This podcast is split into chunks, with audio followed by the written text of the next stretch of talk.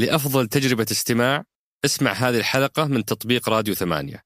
وتقدر تسمعها بدون موسيقى لو تحب. هذا البودكاست برعاية شركة صفا وتطبيق سيركليز. شغالين 24 ساعة. مذبوح أنا. والعميل deadlines كانت ب- بصراحة ما هي بسيطة وهذا. بعدين جانا آه، شريك من آه، إذا أنا أتذكر من إيطاليا. كبير يسوي ال quality review يدير الجودة يشوف الجودة مع العميل. فأنا توقعته لما يجي يعني يسأل العميل كيف آه، كيف ال- الموقع بيكون كيف كيف شو الشباب الشغل وكيف تدري إيش سأله؟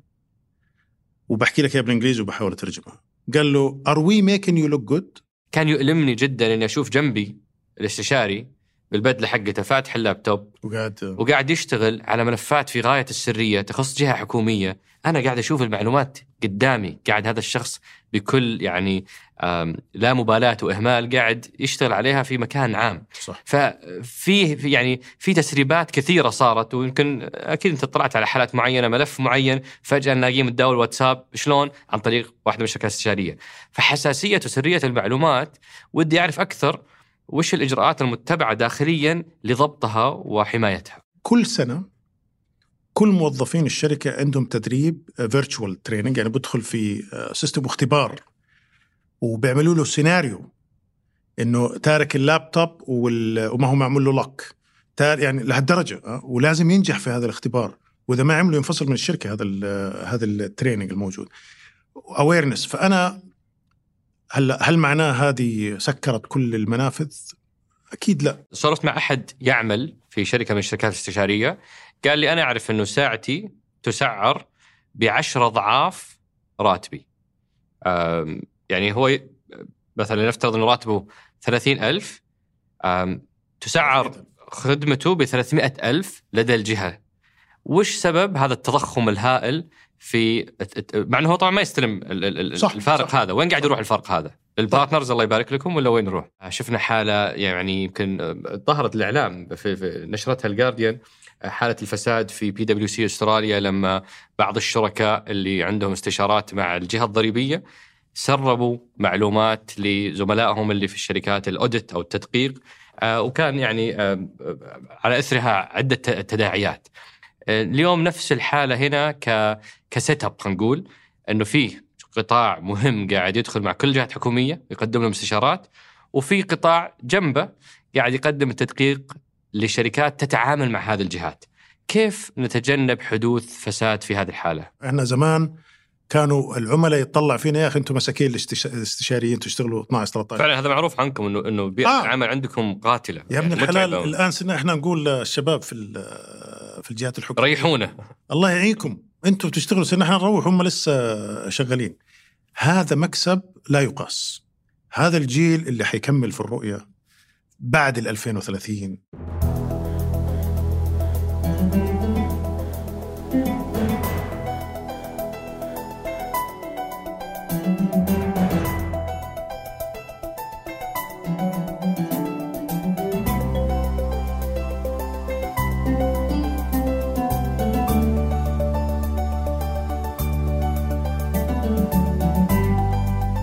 سقراط من شركة ثمانية وأنا عمر الجريسي أستضيف قادة التحول وقادة الأعمال وقادة الرأي. ضيف حلقتنا اليوم هو الأستاذ رياض النجار رئيس مجلس إدارة بي دبليو سي الشرق الأوسط والمدير المسؤول في مكتب السعودية. بي دبليو سي هي واحدة من الشركات الاستشارية الكبرى اللي كان لها دور كبير جدا في المرحلة الماضية. آه، البعض يرى هذا الدور سلبي والبعض الآخر يرى دور إيجابي أقصد في دور الشركات الاستشارية. آه، ففي هذه الحلقة تعمقنا أكثر في فهم هذه الشركات آه، وش تاريخها وش طبيعة عملها آه، وش كان دورها في مرحلة التحول اللي عشناها في السعودية.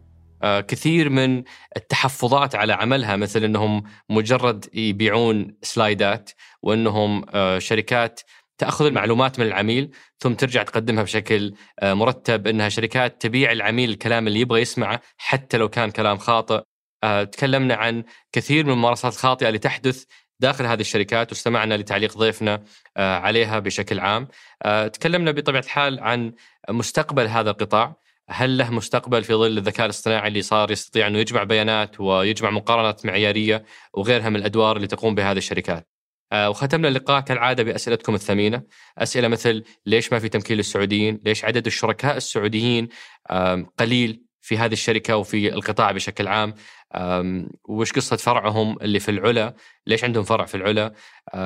ومجموعة من أسئلتكم الثمينة. هذا اللقاء برعاية شركة صفا للاستثمار. أما الآن أترككم مع الحوار. حياك الله أبو بدر شرفتنا ونورتنا.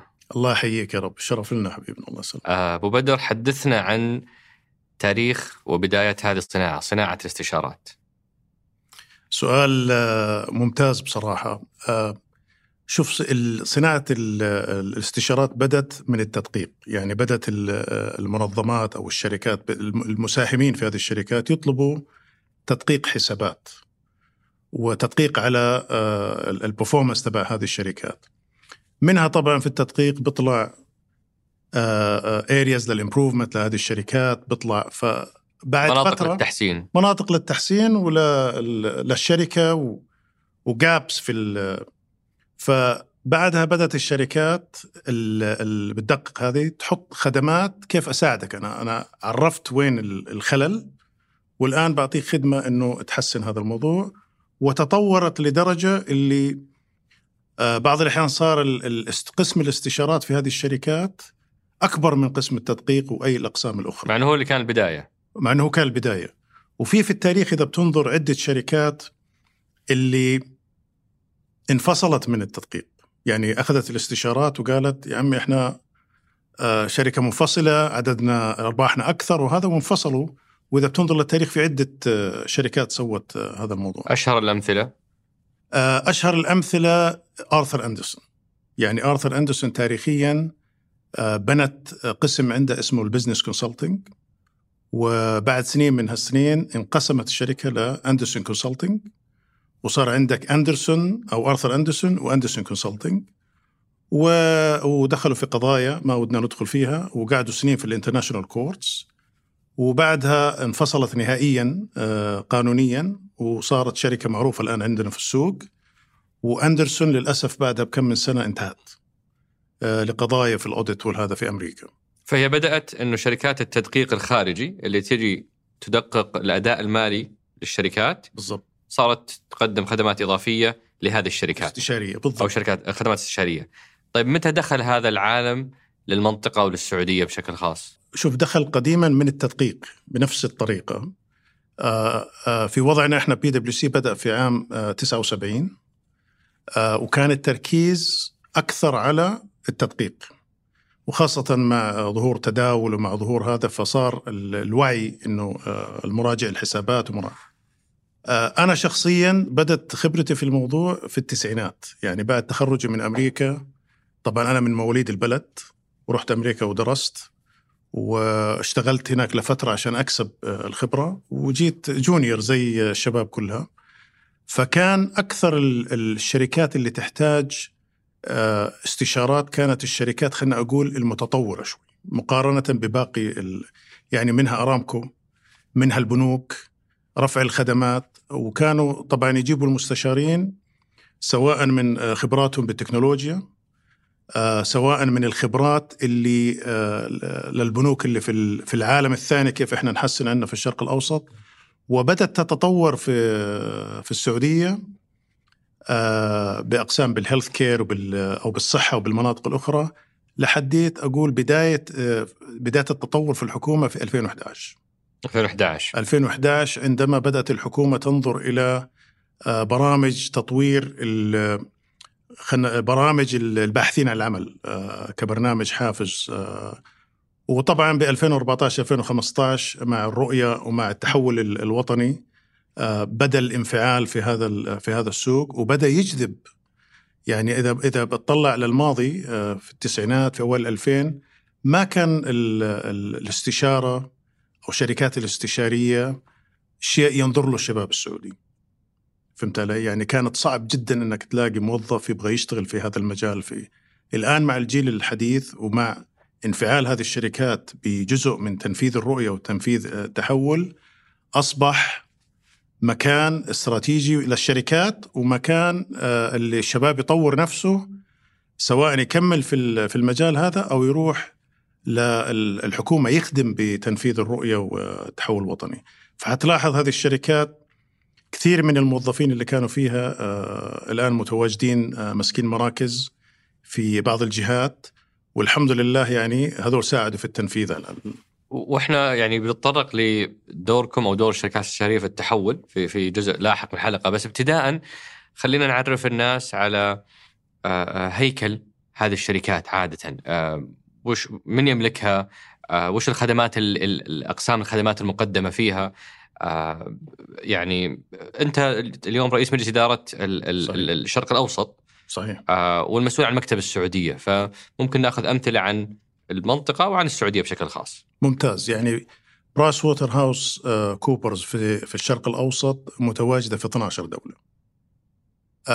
السعودية تعتبر من أكبر الدول اللي في المنطقة والإمارات وقطر.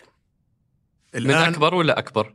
أكبر أكبر okay أكبر أكبر من revenues وأكبر من آه من تواجدنا في, في العملاء والأمور هاي الآن بي دبليو سي في العالم تحكي على 151 آه مكتب حوالين العالم.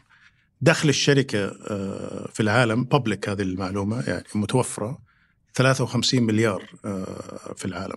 دولار. دولار.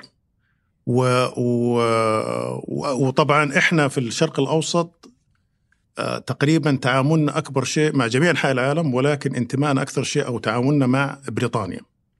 بريطانيا تمتلك جزء من الشرق الأوسط. الاستراكشر إن هي عبارة عن شركاء. يعني آه، عندنا فوق ال 400 شريك في في الشرق الأوسط هذول اللي يملكوا الشركة بقوانين الشركة العالمية آه، ومتابعين لتقييم معين بالنسبة للشركة وكراتيريا معينة اللي تعتبرك شريك في هذه الشركة. ف السعودية اليوم أنا ك آه، أمثل الشركة وتنفيذ الشركة أسمع للعملاء اللي موجودين آه، عندنا واحتياجاتنا في السوق من آه، من موظفين من عملاء من احتياجات للخبرات اللي متوفرة أو محتاجينها في السوق. وهذه نذهب لبقية العالم. سو إذا كانت متوفرة عندنا الخبرات هذه خلينا نقول في في الشرق الأوسط بال 12 دولة أفضلنا نجيب من خبراتنا اللي في هذا إذا ما هي متوفرة نذهب ل تقصد المستشارين. المستشارين طبعا طبعا. فإحنا نتكلم على شركة واحدة لمنطقة الشرق الأوسط. صحيح. يملكها ال 400 آه، شريك. شريك وتعمل في 12 مكتب. في الشرق الأوسط. وهذه المكاتب تتبادل المستشارين والخبرات بحسب احتياجاتهم. صحيح. وعندكم access على المستشارين في بقية ال 150 مكتب حول العالم. يعني أنا دائما بقول هذه آه، إنه اليوم أنت ما تقدر يكون عندك كل الخبرات اللي في العالم في الرياض. صح. فقوة الشركة من قوة ال network. إنه أنا اليوم يعني أنت اليوم آه، قبل آه، خمس ست سنوات سبع سنوات ما كنا محتاجين خبرات في السياحة مثلا. اليوم محتاجين الخبرات في السياحة. فتقدر هلا أقدر ترانسفير وأجيب الخبرات هذه وأوزعها على الشباب يتعلموا من من الخبرات هذه. فهي قوة الشركة بقوة الشبكة اللي موجودة عندها والنولج اللي موجود سواء في الشرق الأوسط أو في أوروبا أو أو في بقية لو بنتكلم عن مكتب السعودية كمثال، شلون مقسم آه، كخدمات أو آه. كشركاء؟ آه اليوم في السعودية إحنا عندنا خمس خدمات.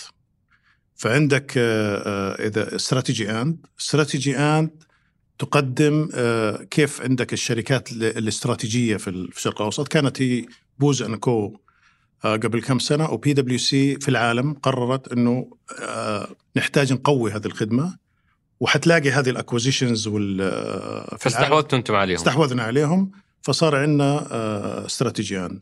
عندنا ال assurance اللي هو ال audit أو التدقيق. التدقيق طبعا في تقدير تدقيق لل أو الخدمات الاستشارية للمخاطر وفي اللي بنسميه core audit التدقيق اللي بتشوفه المالي. آه المالي. عندنا برضو آه الضريبة آه ال tax. فبنسوي للشركات آه tax consulting خلينا نحكي advisory استشارات ضريبية. compliance وبعض الأحيان بنتعاون مع هيئة الزكاة في الاستراتيجيه تبعتها وهذا واحتياجات البلد من هذا الموضوع. عندنا الرابعة اللي هي الصفقات. اللي إحنا بنسميها بالإنجليزي ال deals. ال IPOs أكثر ال IPOs اللي بتشوفها في السعودية بي دبليو سي بتعمل دور فيها بتساعد في ال IPO كنت مستشار الطرح؟ مستشار الطرح okay. نعم.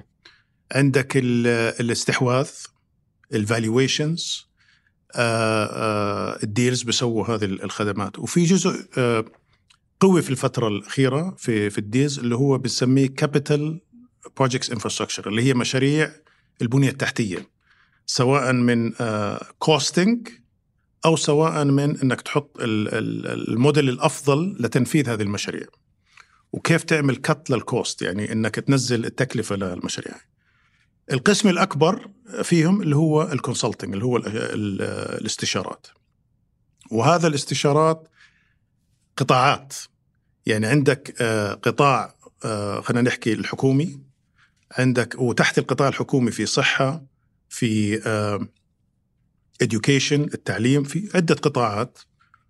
وعندك آه، اللي إحنا بنسميها ال competencies اللي هو مثلا technology التكنولوجيا هذه تتطرق لكل ال industries ال digital تتطرق أنا إيش أسوي في في الصحة إيش أسوي في ال government public sector وهكذا.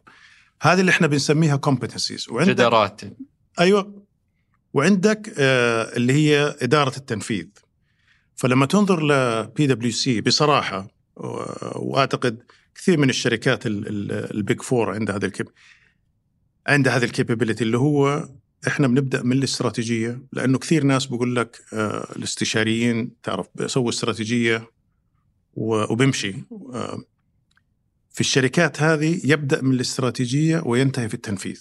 إحنا بنسميها strategy to execution وبصراحة إحنا يمكن أنا شخصيا عشان كذا أنا آه، ركزت حياتي على التنفيذ لما تشتغل في التنفيذ تستمتع في لانك حتشوف تطفى. الثمرة صحيح الثمرات لما أكون أنا يعني بس بسوي على ورق غير تحتاج الاستراتيجيه لأنه بدون استراتيجية آه، ما في شيء تنفذه.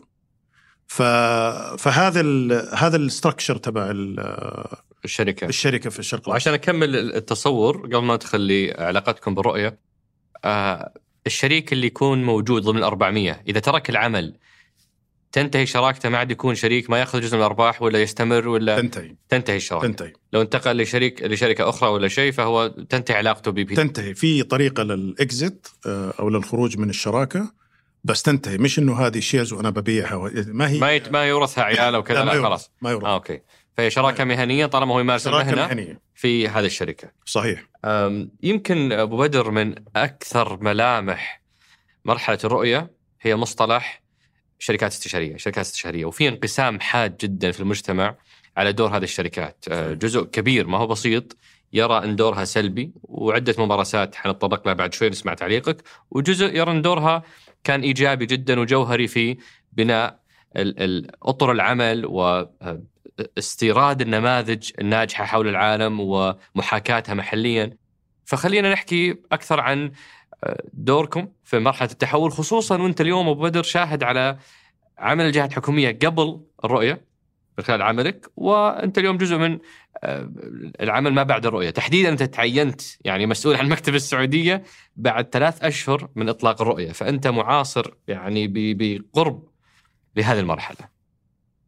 طبعا أنا الحمد لله كان لي الشرف إنه أشتغل على جزء من برنامج التحول الوطني في هذيك الفترة. آه شوف اليوم إحنا في المثل هذا اللي يقول لك لا تعيد آه اختراع ال- عجله العجلة. ال- ال- المملكة العربية السعودية كانت متوجهة لرؤية ما شاء الله. فأنت اليوم ومحطوط لها جدول زمني يعني آه، أعتبره اجريسيف بس هذا هذا اللي هذا اللي ال- رؤسائنا وحكامنا يعني آه، كانت بهذه بهذه الصيغة إنه نبغى ننفذ ونبغى. فما في مجال إنك للغلط. ما في مجال آه، تضيع وقت للتعلم. فأنت اليوم تقول أنا أبغى أبني هذا ال- المبنى.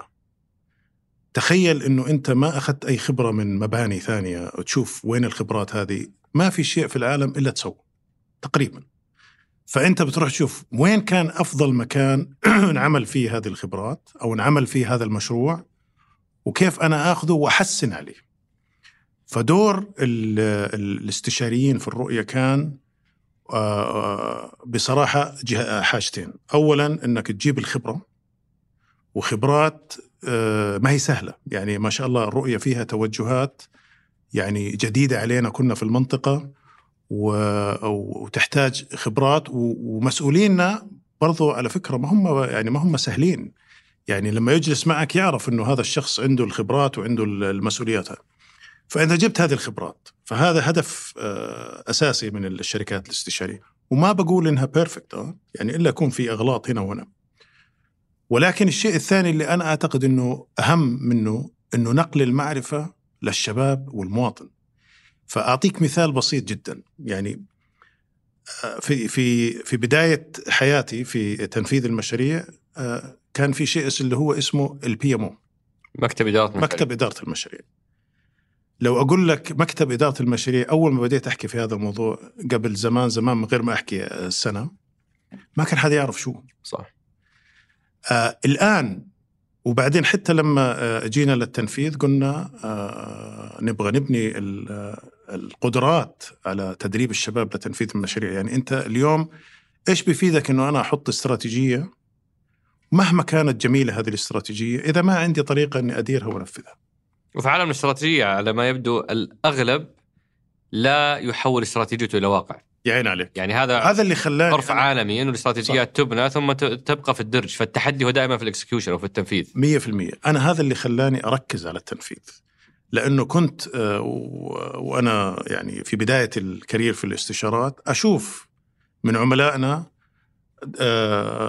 دوكيومنتس وثائق جميلة جدا آه، كاستراتيجية ودافعين عليها مبالغ ومحطوطة على الدرج. فأنت زي اللي يقول أنا بخطط أنه أبني وأسوي وأعمل وهذا وحاط الخطة بس ما سوى فيها شيء وعشان كذا ركزت على التنفيذ اليوم أقدر أقول لك إنه السعودية في مجال إدارة المشاريع يمكن من أفضل الدول في المنطقة وفي العالم. صار عندك آه، أعداد الناس لغة التحدث الخبرات اللي بتحكي في إدارة المشاريع آه، ما هي نظري. فهذا مثال بسيط على آه، على كيف إنه الاستشاريين قدروا ينقلوا بعض المعرفة وحطوا هذا الديسبلين خلينا نحكي في إدارة المشاريع. عملية المتابعة آه، الشيء الثاني التدريب على القيادة. يعني آه، فأنا شخصيا آه، وما بقول زي ما قلت لك إنه ما هي بيرفكت بس ال- الإيجابيات من استخدام الخبرات سهلت علينا وفرت على الدولة وقت. آه، يمكن الناس ما بيحسوا فيها هذا إنه توفير الوقت أفضل وأرخص وأحسن تقدما من إنك تقعد سنين وما تنفذ شيء. آه فأنا شايفه إيجابي ومكمل لأنه اليوم أنت كمان عشان نكون ما في كل الكباسيتي الموجودة آه متوفرة عشان تنفذ كل هذه المشاريع، لازم تستعين. ف ففي العالم بصراحة الأيام هذه في تحدي إنك تجلب هذه الخبرات. فإنه إحنا ال- الآن قادرين في السعودية نجلب الخبرات اللي نطلبها وننقلها عندنا هنا. على فكرة هذه آه، من من يعني شهادة شهدها السعوديه لأنه في دول ثانية يعني بنحاربوا على نفس الشيء. إحنا بي دبليو سي هنا بطالب بهذه الخبرات في مكاتب ثانية في العالم بطالب بنفس الخبرات. فإنه إحنا نقدر نسحبهم لأنه ال vision الرؤية وصلت للعالم فصار الكل يبغى يتحمس يكون جزء من هذا ال-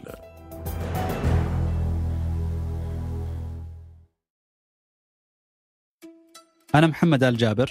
وأنا هادي فقيهي. وهذا جديد ثمانية بودكاست جادي. كل أسبوع بنجلس نتناقش حول مواضيع اقتصادية واجتماعية ونتناولها من زوايا مختلفة. ونعرض فيها سياق جديد للأحداث والظواهر الاجتماعية. اشترك في بودكاست جادي من خلال الرابط في وصف الحلقة. معرفة الأخبار الاقتصادية صارت جدا مهمة هذه الأيام وممكن تأثر على حياة الكل. اقتصاد الشرق مع بلومبرج تجيب لك آخر الأخبار وانعكاساتها عليك على مدار الساعة. شاهد قناة منصات الشرق للأخبار واقتصاد الشرق مع بلومبرج لتتابع العالم تابع الشرق. الرابط في وصف الحلقة.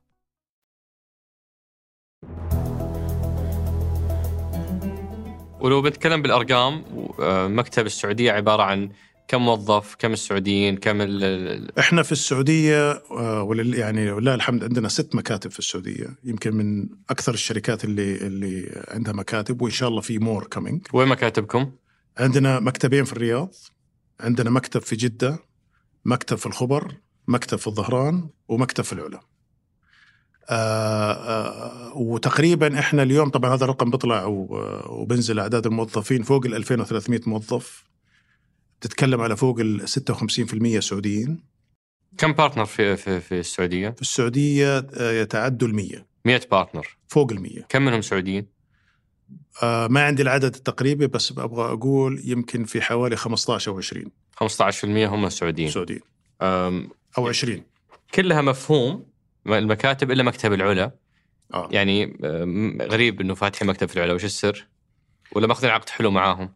شوف العلا آه، اولا إحنا آه، بدينا مع العلا من بدايتها.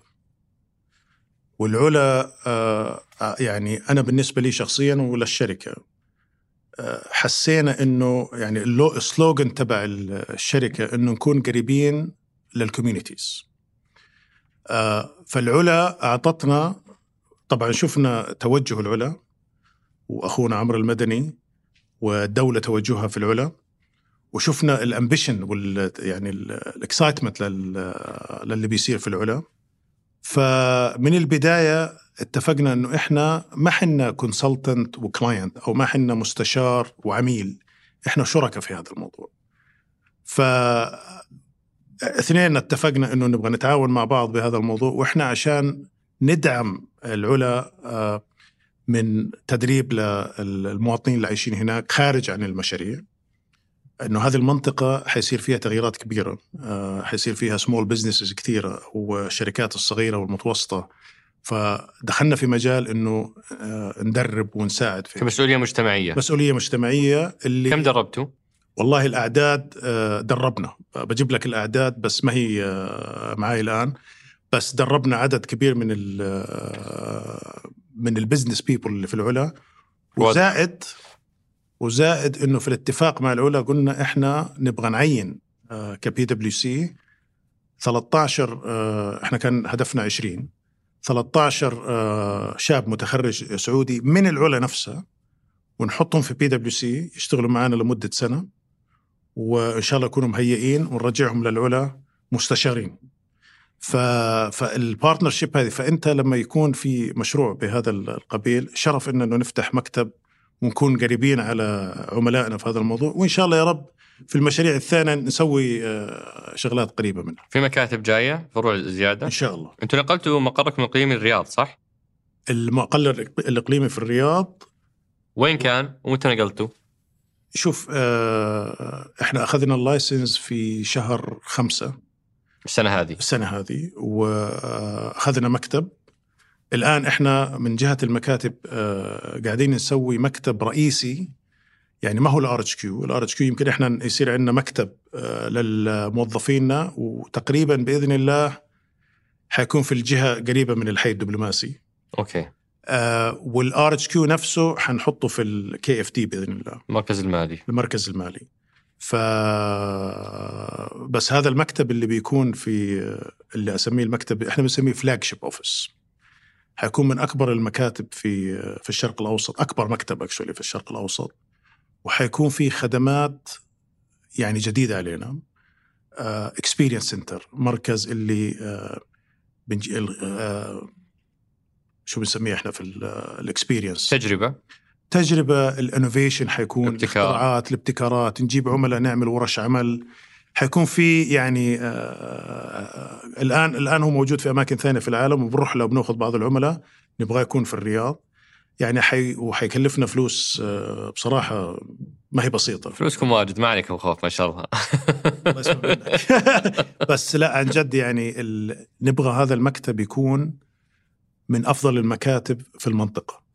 وفي آه وبدر لما قلت مقر إقليمي ترى كثير من الناس آه، سمعوا الخبر بداية 2000 يعني 2024 صحيح حتكون في معاملة معينة للشركات اللي مقرها الإقليمي ليس في الرياض آه، فلو تعرفنا أكثر وش يعني مقر إقليمي ومع مين تتعاملون؟ هل مع الهيئة الملكية ولا مع وزارة الاستثمار ولا وش وش طبيعة ال- الإجراء؟ طبعا؟ المتبنية لل regional headquarter هي وزارة الاستثمار وأعتقد بالتعاون مع ال Royal Commission الهيئة الملكية للرياض الملكية للرياض. آه، أكثر التعامل مع آه، وزارة الاستثمار. وش يعني مقر إقليمي؟ مقر إقليمي أنت ال- آه، الآن لما تكون شركة آه، في متواجدة في عدة دول صناع القرار وين قاعدين؟ هل صناع القرار قاعدين في لندن قاعدين في آه، أي مكان في العالم ال- الدولة قالت آه، نبغى صناع القرار ال regional headquarter الاداره ال C level خلينا نسميهم العليا تكون متواجدة آه، في الرياض. وحطوا لها قوانين و stages لهذا الموضوع.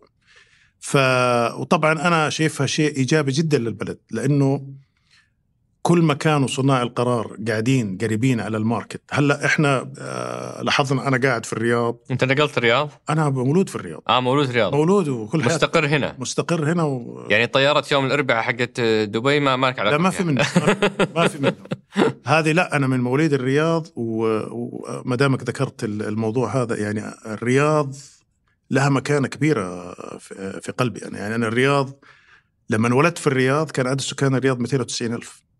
تخيل هذا الموضوع كيف؟ متى انولدت ما شاء الله؟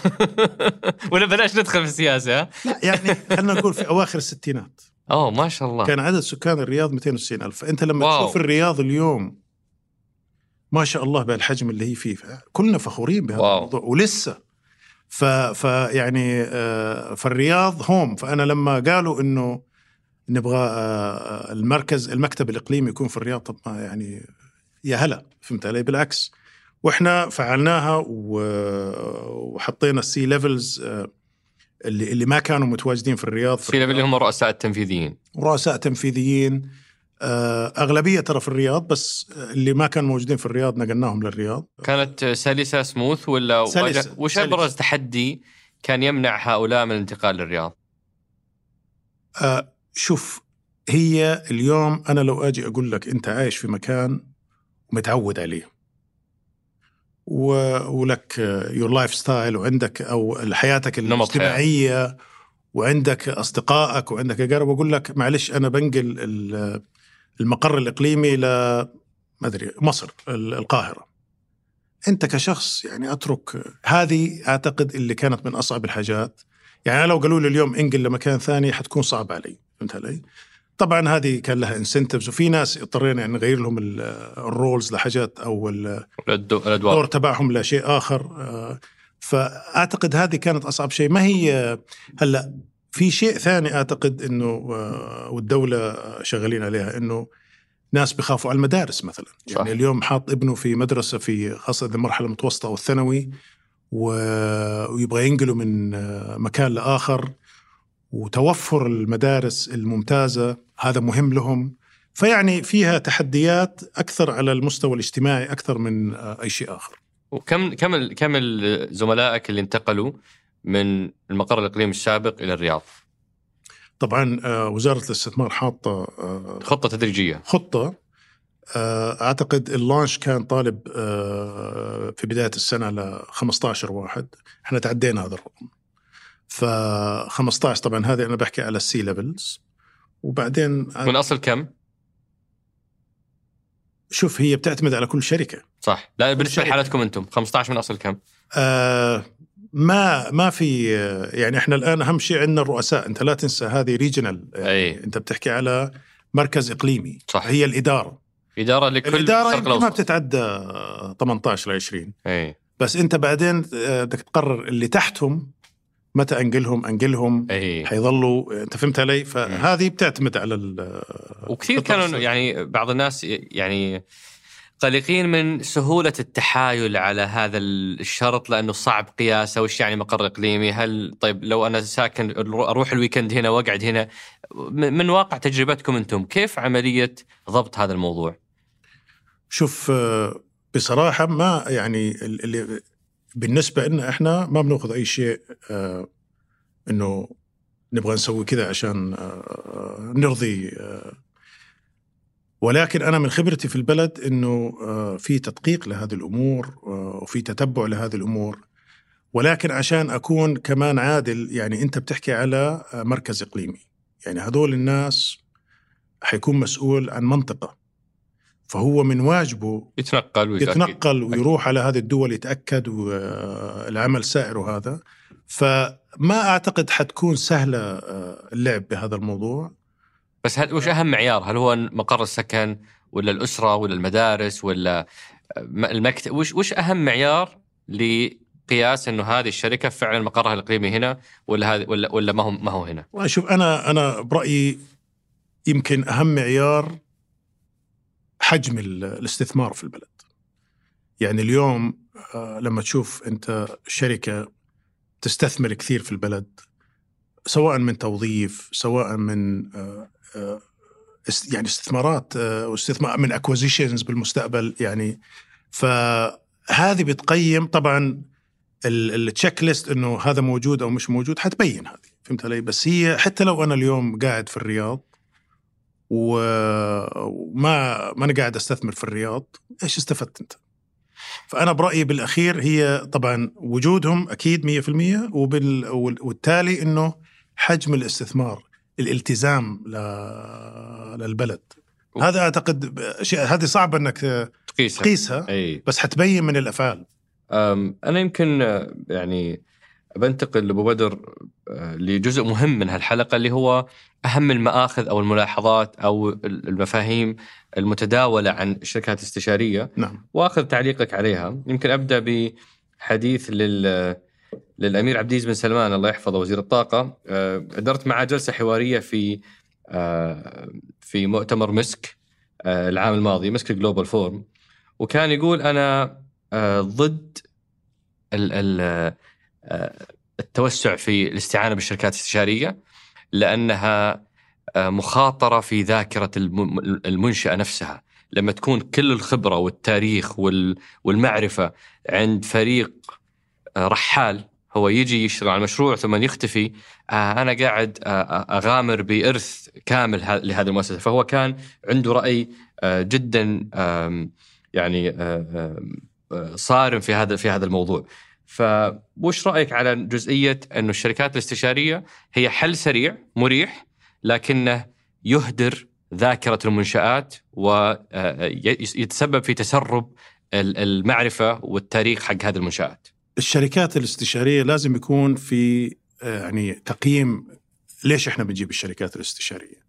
أنا بقول الشركات تجاب لما يكون الخبرة غير متوفرة، خبرة جديدة على المنشأة، ما في القدرات متوفرة أو الكباسيتي لهذه آه، فما في يعني آه، مش لازم نجيب الشركات الاستشارية لأي لحاجات متوفرة، إذا الخبرات موجودة عندي وأنا كمنظمة أو ك- كجهة سويت هذه المشاريع ما في داعي إنه آه، بس مو بهذا اللي قاعد يصير. الممارسة اللي قاعدين نشوفها اليوم في الجهات الحكومية ابتداء من 2015 إنه فيه إسراف في الاستعانة بالشركات الاستشارية من وجهه نظر كثيرين. في شيء مهم وحتى بعضهم كان يعين سكرتير من شركة استشارية ويوميته 8000 ريال 9000 ريال اليومية حقته. آه وهو راتبه في ال market يمكن آه، يوميته 1000 ريال.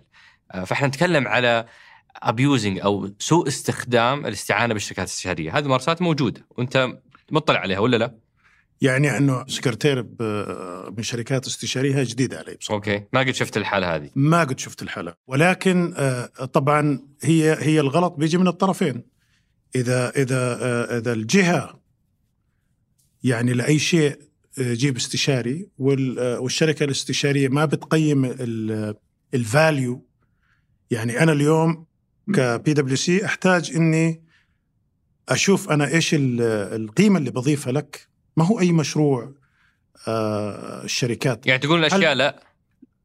ما أظن تقول إذا قال اذا إذا, إذا العميل يقول لك بدفع لك المبلغ هذا ما أظنك بتقول لا. لا لا شوف في أشياء أكيد إحنا بنقول لا. كثير بنقول لا. مثل؟ يعني أقصد آه، وش الأشياء اللي يعني, ترفضونها؟ يعني إحنا أصلا إحنا عندنا طريقة اللي to evaluate بنسميها جو نو جو عندنا committee هذه الكوميتي إذا هي إذا هذا المشروع ما له قيمة للعميل يعني سمعتنا أهم من هلأ هل معناه كل الشركات بتعمل هذا؟ الله أعلم. فأنا أنا قصدي إنه يعني كنصيحة إنه لازم نجيب الشركات الاستشارية في في المكان اللي يضيفوا قيمة فيه. ما هو أي هل الغلطات موجودة؟ أكيد موجودة، لا شك. ف فهذه من جهة. الآن إذا أنا جبت ال- ال- الشركة الاستشارية على آه، مشروع اللي أنا حستفيد منه، الخبرات ما هي متوفرة عندي ولا الكباسيتي موجودة عندي، لازم أنا كجهة ولازم أنا كشركة استشارية أقول كيف عملية نقل المعرفة.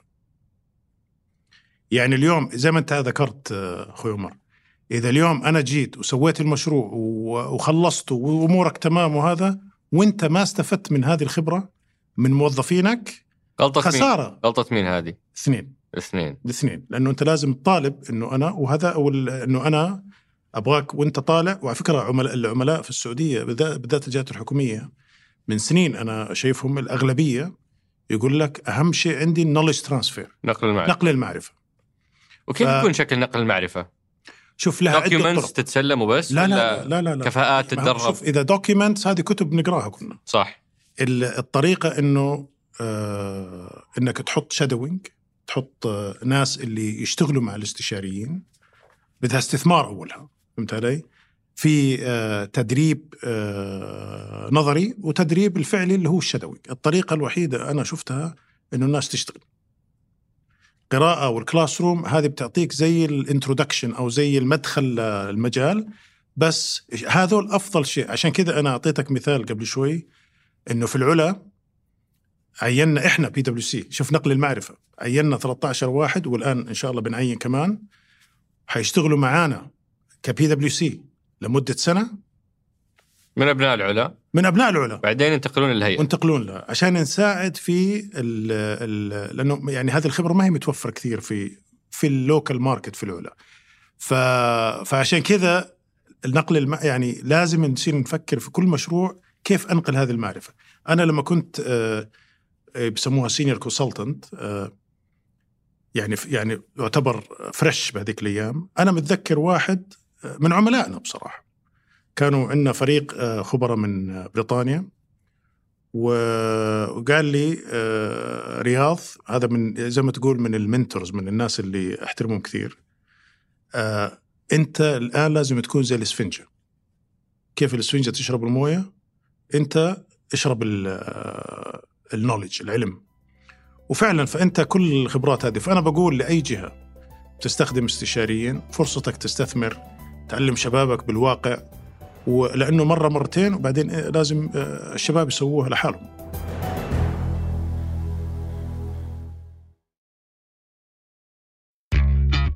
وش الرابط بين العلوم والجرائم الغامضة وعالم السيارات والمغامرة والسفر والحياة البرية وأسلوب الحياة؟ لو بنجمع كل هالأشياء في كلمة واحدة راح تكون الاستكشاف. متع فضولك مع منصة الشرق ديسكفري واستمتع بآلاف الساعات من المحتوى التثقيفي الترفيهي بالعربي بمعايير عالمية. اعرف أكثر من الرابط في وصف الحلقة. الجماليات المعمارية مهمة بس جودة البناء أهم وحداثة التصاميم مهمة لكن الخدمات والمرافق أهم. المهم والأهم مضمون. تملك المستقبل مع وحدات شركة صفاء للاستثمار. أعرف أكثر من الرابط في وصف الحلقة.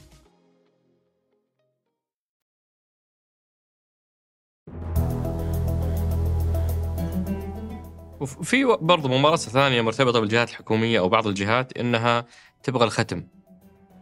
أكيد إنك سمعت أنت المعلومة هذه إنه في جهة حتقدم أو في مسؤول خلينا نقول بيقدم على آه، مديره ملف. عشان ما يتحمل مسؤولية وش بيصير في الملف جيب واحدة من الأسماء اللامعة خليها تعطيك الختم. وفعليا الشركات الاستشارية تجي تسمع من الموظفين المشكلة ثم تسمع من الموظفين الحلول. وتجيب لها شوية من القطاع الخاص ببلاش تسوي معهم ورشة عمل وتأخذ منهم حلول وترتب هذا كله في سلايدات كويسة وتعتبر إنه هذه هي آه، المخرج حقه وتأخذ عليه ملايين. فوين القيمة المضافة في هذا النوع من المشاريع؟ شوف طبعا آه، إحنا ما نقدر نعمم هنا على هذا الموضوع. اليوم آه، أنت لو تروح لدكتور هل الدكتور حيقول لك أنت مش أنت لازم يسألك الدكتور؟ هذا جزء من تشخيص. من التشخيص. فاليوم الدكتور حيقول لك إيش شعورك هنا؟ كم درجة الحرارة؟ كم كذا؟ آه، نمت كويس؟ ما نمت كويس؟ جزء من الاستش... يمكن هذا في سوء فهم.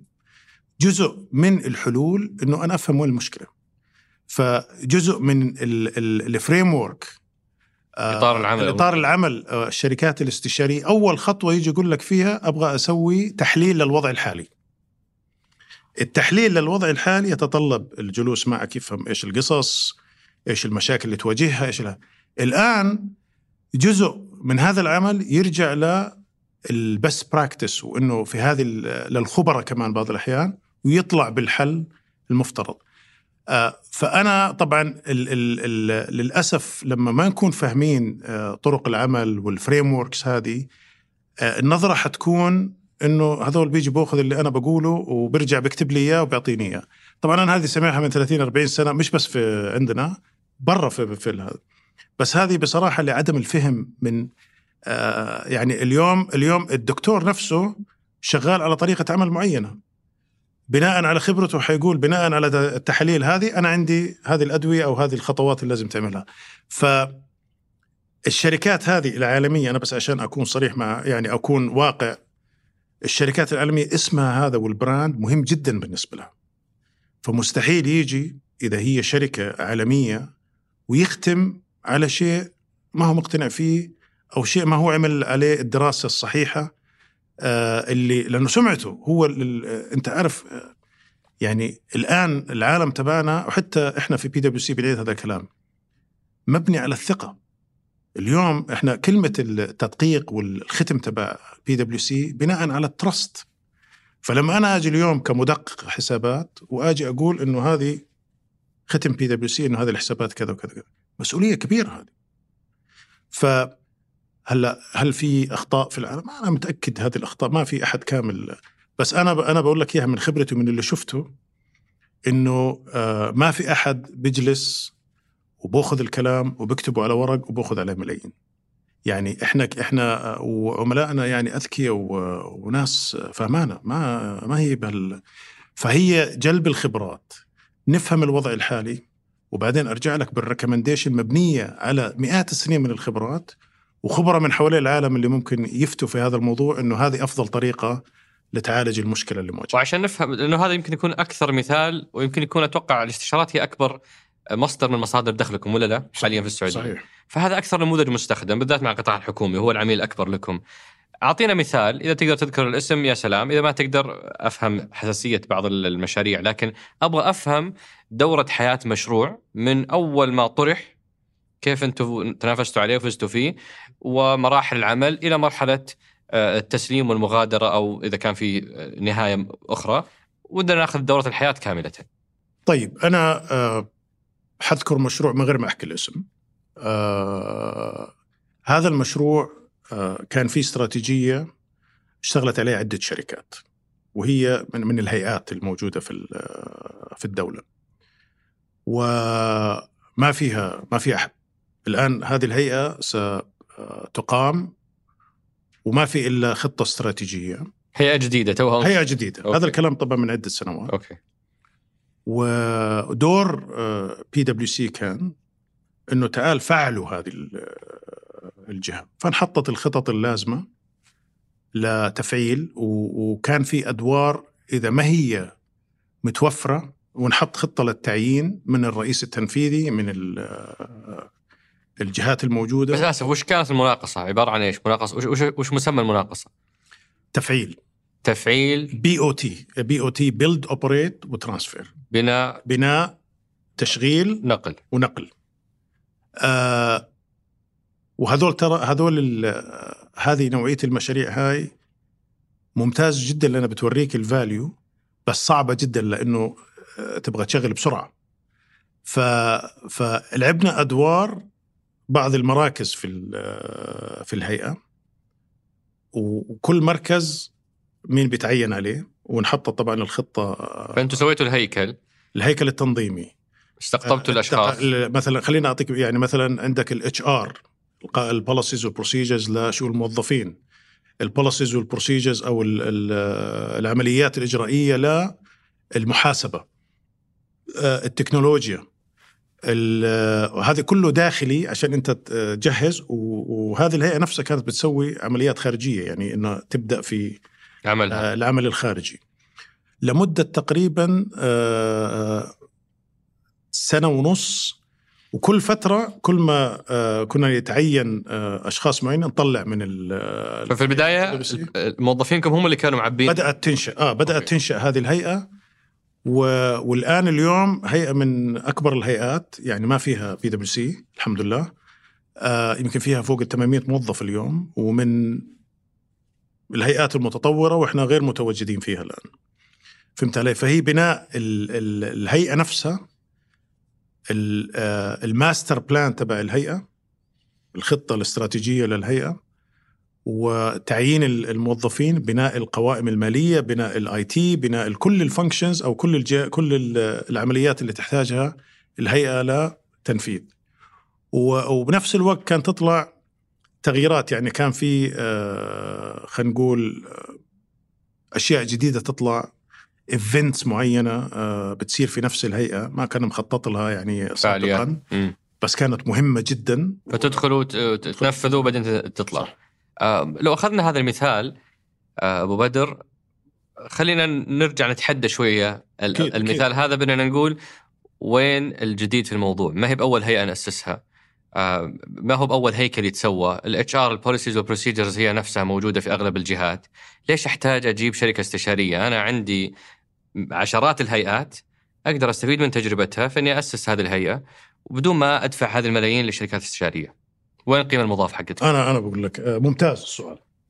آه، طبعا اليوم أنت آه، لما لما لما هذا هذا السؤال يعني لما ينطرح بهذه الطريقة يفترض إنه كل هذه الكابابيلتيز موجودة ولا ولا تشتغل تحت نظام اللي يديرها وينفذها مع بعض ولا تحت نظام اللي يكون مهيئ لطلبات العميل والأمور هذه.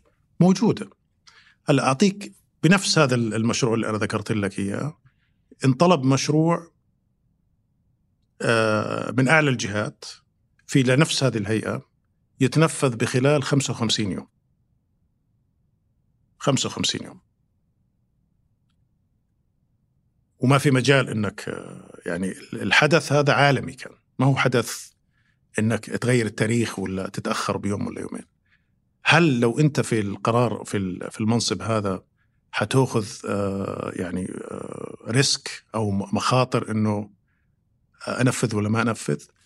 فال value إنه الشركات هذه أو شركتنا بهذاك ال- الوقت أعطت assurances بالخبرات اللي إجت وسوت هذا ال- الموضوع. طبعا هم أول ما جاوا قالوا له 55 يوم آه، وين أنتم يا ولكن تنفذ. فالوقت فالقيمة المضافة هنا كانت الوقت الخبرات اللي بتيجي. يعني اليوم جبنا أف يعني ل- لل finance المحاسبة. أنت بتقول هذه موجودة و- صحيح.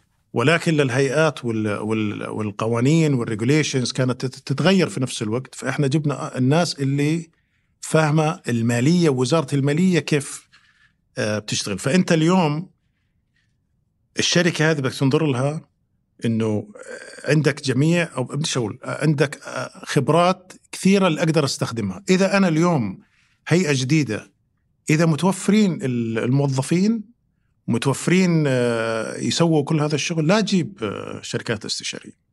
هي كانت كيف أسرع عملية آه، إنشاء هذه الهيئة وتفعيلها وتسليمها وامشي. فهمت علي؟ وهذه نوعية هذه المشاريع تسعيرتها فكرة غير عن بس عشان أنت لأن قلت نصرف الملايين. مم. الأسعار للمشاريع اللي زي هذه BOT مختلفة نهائيا عن مشاريع استراتيجية مشاريع لأنه نوعية ال القدرات. القدرات بالذات لما تيجي ل operations ال operations هذا day to day فهذه غير لأنه هذول الأشخاص آه، مختلفين عن اللي بيسووا الاستراتيجية والأمور هاي.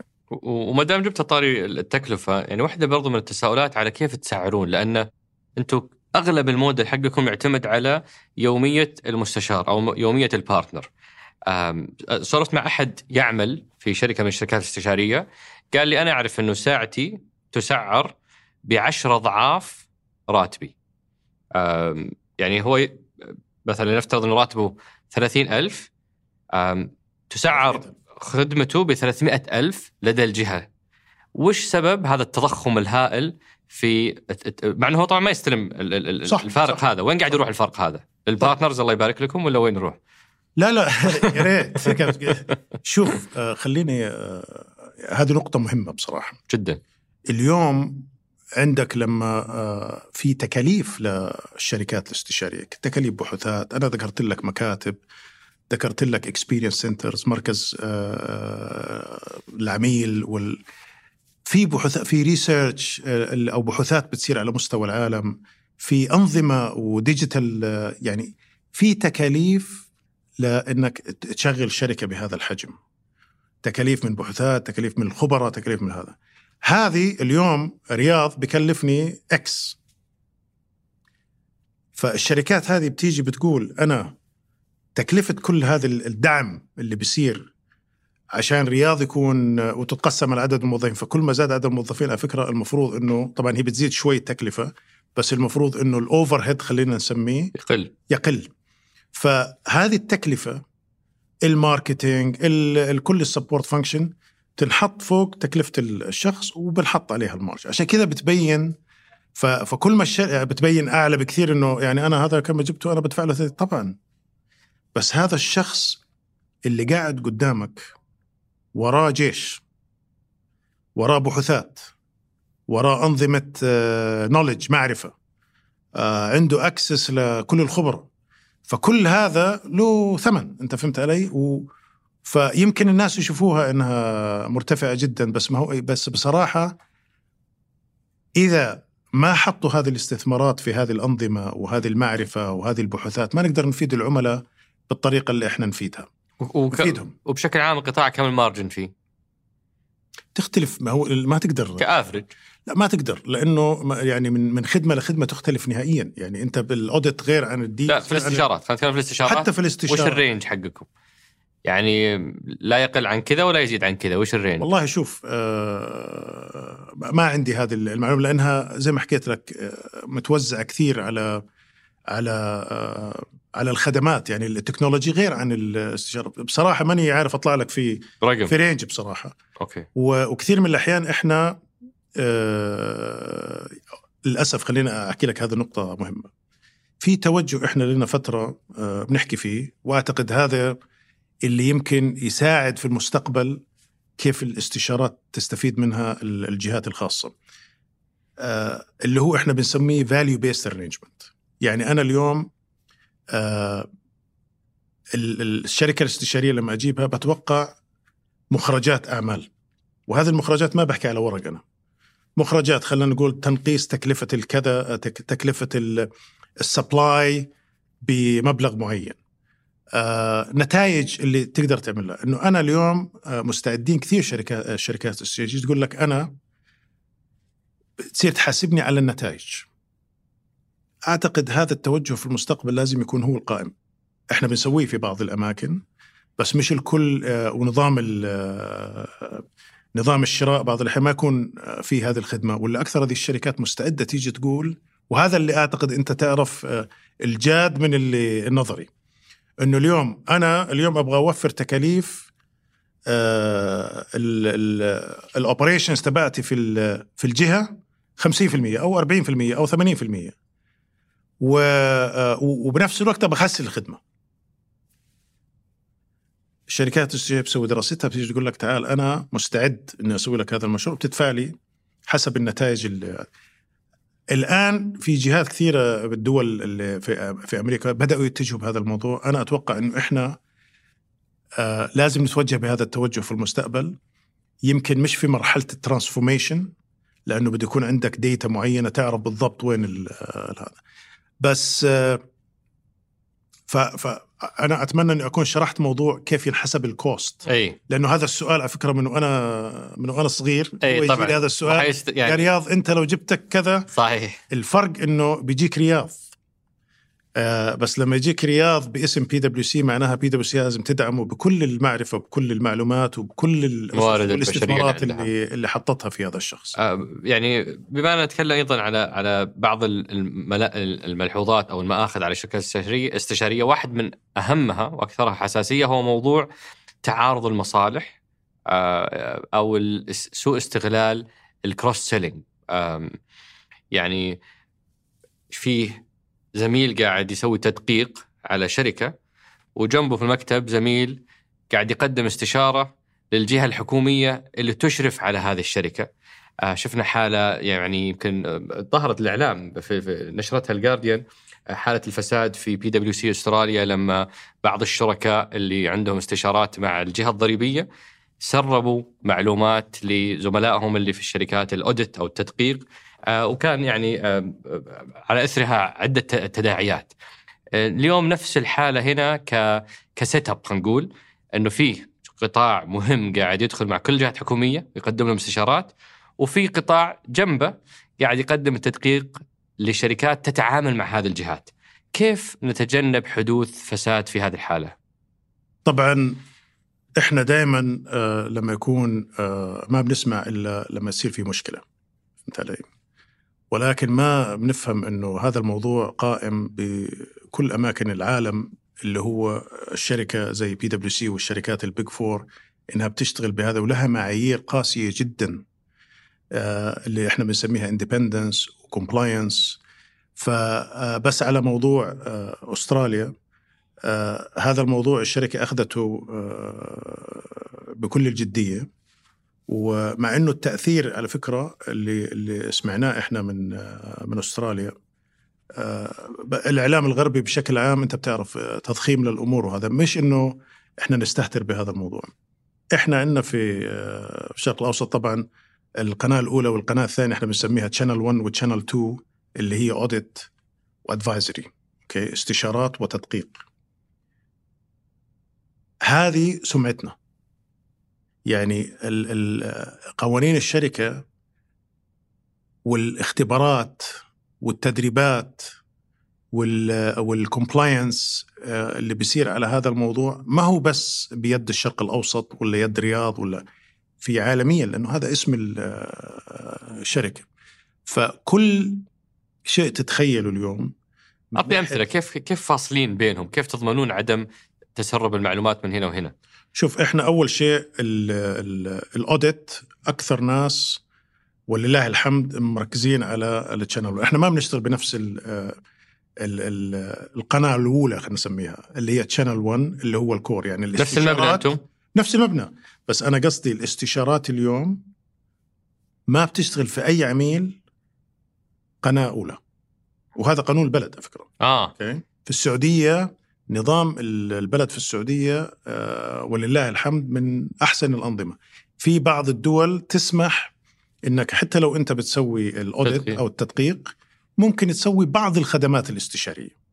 إحنا هنا يا أبيض يا أسود. آه فأنا شركة ثمانية إذا موقع مع بي دبليو سي تدقيق مالي ما بشتغل معك. مستحيل آخذ أي عقد مع ال advisory أو الاستشارات. بالضبط. مستحيل. يعني خاصة إذا أنت public entity اي شركة عامة. شركة عامة. ف ف لا طيب إذا شركة خاصة مسموح ولا غير مسموح؟ آه هو إحنا قانون الشركة غير مسموح. آه. هلا بحكي أنا من نظام البلد, البلد. لأن نظام البلد بيعتمد إذا الشركة عامة ولا مش عامة. okay. بس أنتم داخليا هذه policy صارمة؟ policy صارمة. ما فيها آه ما يا بنسوي تدقيق يا بنسوي استشارات. ما بنسوي. طيب هذه جيدة فيما يخص القطاع الخاص لكن حكومة كمشرع والشركات المتأثرة بهذه التشريعات. طيب. اليوم إحنا بندقق أرامكو. أوكي؟ ما بنسوي أي شغل في أرامكو. استشارات. ف وشوف حجم أنت أرامكو وحجم الاستشارات اللي تحتاجه أرامكو. ف ف ف ما بنخلط بين ال... بين الأمور. سواء حتى لو الجهات الحكومية الشيء الوحيد اللي بنسويه في الجهات الحكومية تحت اللي إحنا بنسميه channel 1 ولكن هو بصراحة يعني advisory أو استشارات ضريبيه لا الضريبية أو المخاطر إدارة المخاطر. فهمت؟ لأنه هاي ما هي تدقيق. أي. فالإستشارات الضريبية ما بنشتغل مع هيئة الزكاة لما تكون على قوانين أو policies من هذا النوع. أنت يا هنا يا هنا ما بتقدر تشتغل في الطرفين. فهمت علي؟ ولكن إذا الهيئه أصدرت قوانين وهذا بيساعد الشركات في كيف تعمل ال reporting والامور تخص الموضوع هذا. على العموم صارت حالات معينة تعاملتوا معها بحزم في في بي دبليو سي مينا أو السعودية؟ إنه إنه في سوء استغلال لمعلومات أو إفشاء سرية؟ لا. ما في. هذا الموضوع ما صارت أي حالة؟ لا. لأنه صراحة أنا مثلا أقيس على نفسي ألاحظ آه، كذا مرة بالذات في فترة 2016 2015 لما كان في كثافة استشاريين يجون من دبي آه، الأحد الصباح يرجعون الاربعاء كان يؤلمني جدا إني أشوف جنبي الاستشاري بالبدلة حقته فاتح اللابتوب. وقاعد وقاعد يشتغل على ملفات في غاية السرية تخص جهة حكومية، أنا قاعد أشوف المعلومات قدامي، قاعد هذا الشخص بكل يعني لا مبالاة وإهمال قاعد يشتغل عليها في مكان عام. صح ففي في- يعني في تسريبات كثيرة صارت ويمكن أكيد أنت اطلعت على حالات معينة ملف معين فجأة نلاقيه متداول واتساب شلون؟ عن طريق واحدة من الشركات الاستشاريه. فحساسية وسرية المعلومات ودي أعرف أكثر وش الإجراءات المتبعة داخليا لضبطها وحمايتها. آه، اولا آه، إحنا PwC عندنا strict صارمة. آه يعني يعني عن جد صارمة لدرجة بعض الأحيان أنا شخصيا بتعب منها يعني اليوم لو أنا معاي آه، جهازي لبي دبليو سي وأبغى أعطيك document ما إيه. أقدر شلون؟ ما أقدر كله secured و encrypted والأمور هاي هذه من جهة فالتكنولوجيا عندنا اليوم أي إيميل حتى ال emails اللي بتصدر من الموظفين لوين بتروح ال emails آه، إذا هي خارج عن النطاق فهمت علي؟ إيش نوع المعلومات؟ إذا في اي بعض الأحيان أعطيك مثال آه، إيش بصير آه، بكون عميل آه، بجهه حكومية طالب من الموظف ارسل لي الإيميل هذا آه، على ال Gmail. بيجي عندنا flag في ال system. أوه. والشاب لازم ليش أنت وين رايح؟ فهمت علي؟ فهذه هذه نوع من أنواع ال ال سياسات ال control صارمة. على السايبر والهذا لأنه إحنا زي ما حكيت لك جزء الثقة بصراحة. إذا أنت حطيت الثقة إنه أنا أي أنا أنا العملاء تاعوني لازم يثق فيي، لازم أسوي كل شيء اللي يثق فيه، فأنت حسيت تدخل في كل ال people behavior أو ال- طريقة تعامل الموظفين، المعلومات، سرية المعلومات. هذه واحدة، ثانيا كل سنة كل موظفين الشركة عندهم تدريب virtual training يعني بدخل في system اختبار.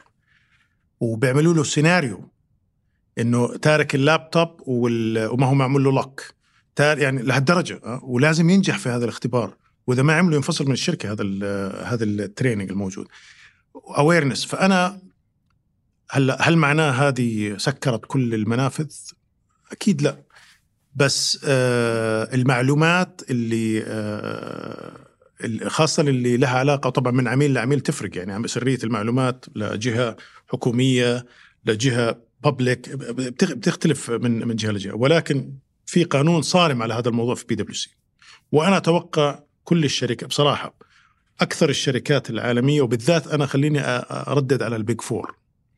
لأن هذول اللي أقدر أحكي لأنه تقريبا نفس ال policies حتلاقيهم آه، يعني عندهم قانون صارم على سرية المعلومات ال- التكنولوجيا واستخدام التكنولوجيا آه، إيش المعلومات اللي تستخدم. أنا أعتقد لل- كمان من مجتمعنا إحنا للأسف اليوم كثير بنستخدم الواتساب. صحيح. فهمت علي؟ فهي من الطرفين يعني وني- يعني لازم نصير ننتبه على إيش المعلومات اللي إيش المعلومات اللي لما تطلب على الواتساب ترسل. وما دامك تطريت موضوع ال Big Four أحس جميل لو رسمت لنا خارطة الشركات الاستشارية وتصنيفها لأنه الظاهر في ال Big 3 هذول هم tier 1 أو أو التصنيف الأول. بعدين في ال Big Four هذول التصنيف الثاني. ال Big شوف ما في Big 3 و Big 4 اللي هم ماكنزي آه. و BCG هذول هم آه، عادة استراتيجي ما يدخلوا في ال execution آه خليني خليني. وهذول مرحلة قبلكم عادة. آه, آه لما أنا أحكي Big Four هذول الشركات اللي فيها تدقيق. هذول أكبر أربع شركات في العالم. اللي هم نذكر فيهم Deloitte E واي ديلويت اي واي كي بي ام جي وبي دبليو سي حلو. آه هلا هذه الشركات أو آه خليني أحكي لأن أنا بعرف عن بي دبليو سي بي دبليو سي عندها strategy ل execution فأنتوا تجوا في المرحلة اللي بعد لا. BCG و McKinsey ولا ولا؟ لا. آه okay. لا تنسى إحنا عندنا خدمة Strategy& Strategy& as the Booz & Co which is McKinsey BCG okay. هلأ BCG و McKinsey وكلها شركات عالمية historically معروف عنهم تطوير الاستراتيجيات. آه ولكن مؤخرا إحنا بنشوفهم في ال execution آه. فكلها شركات آه عالمية. نوعية الشركة مختلف لأنه مثلا زي ماكنزي وزي BCG ما عنده tax services ما عنده ال audit والتدقيق ما هو مصرح له في في هذا الموضوع. هذا الفرق وطبعا لما تيجي أنت الآن ل strategy firms أو الشركات الاستراتيجية اللي بتطور الاستراتيجي في tier 1 وفي tier 2 آه، فهمت علي؟ هذول مختلفين عن ال Big Four. ال Big Four هي هو زمان على وقتي كان في Big 8 لل audit. آه. كان أربع شركات عالمية اللي تسوي ال audit في العالم. وعمالهم يصغروا ل Big 6 و Big 4 الله يستر. أيوه. ان شاء الله ضلنا في على السعودية صايرين Big 3 هم تقريبا صح؟ في واحدة. مستبعدة كانت. عن كان- عن سوق كان- المال. كان. أي. okay. آه برضو على على طاري ماكنزي والشركات هذه آه شفنا خطوة إحنا آه كانت مثيرة استحواذ آه ماكنزي على الإكسير شركة استشارات محلية. آه هذا في 2015 أو 2016 في- في الوق- في الوقت هذا كيف تقيم الخطوة هذه وكيف تصف طبيعة علاقتكم مع الشركات الاستشارية المحلية؟ هل هم منافس مكمل؟ هم في دوري مختلف تماما بعيد عنكم؟ وش وش تعلق على هذا الموضوع؟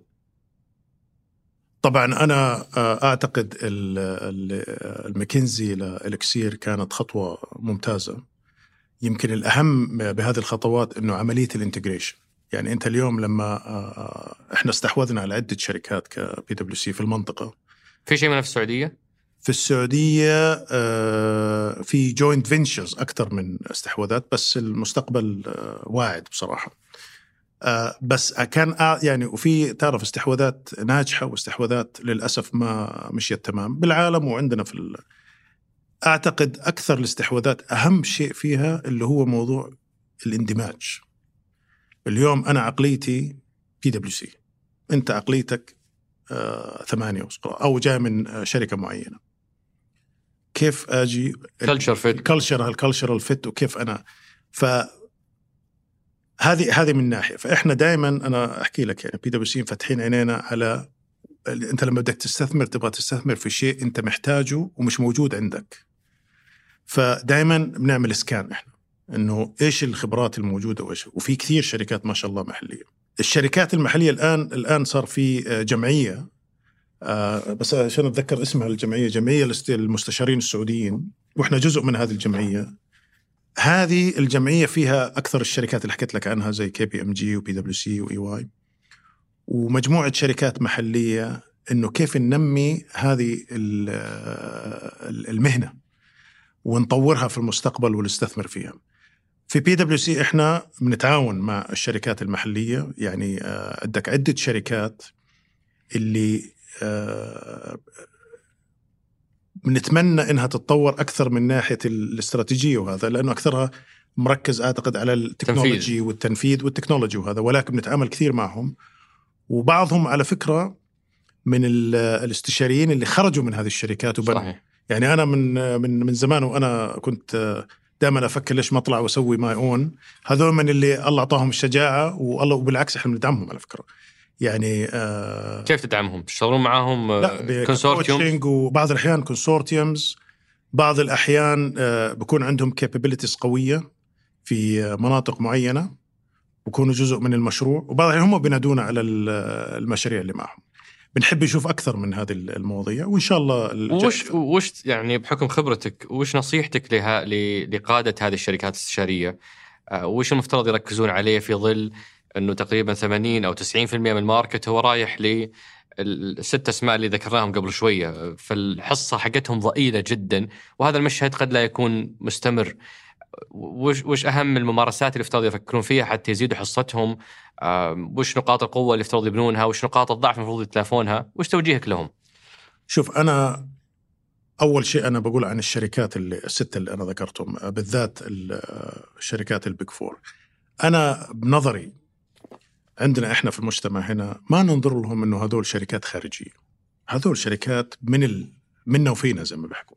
لما تكون شركة لها 100 سنة في في السعودية أكثر موظفينها 60% سعوديين هذول من المجتمع.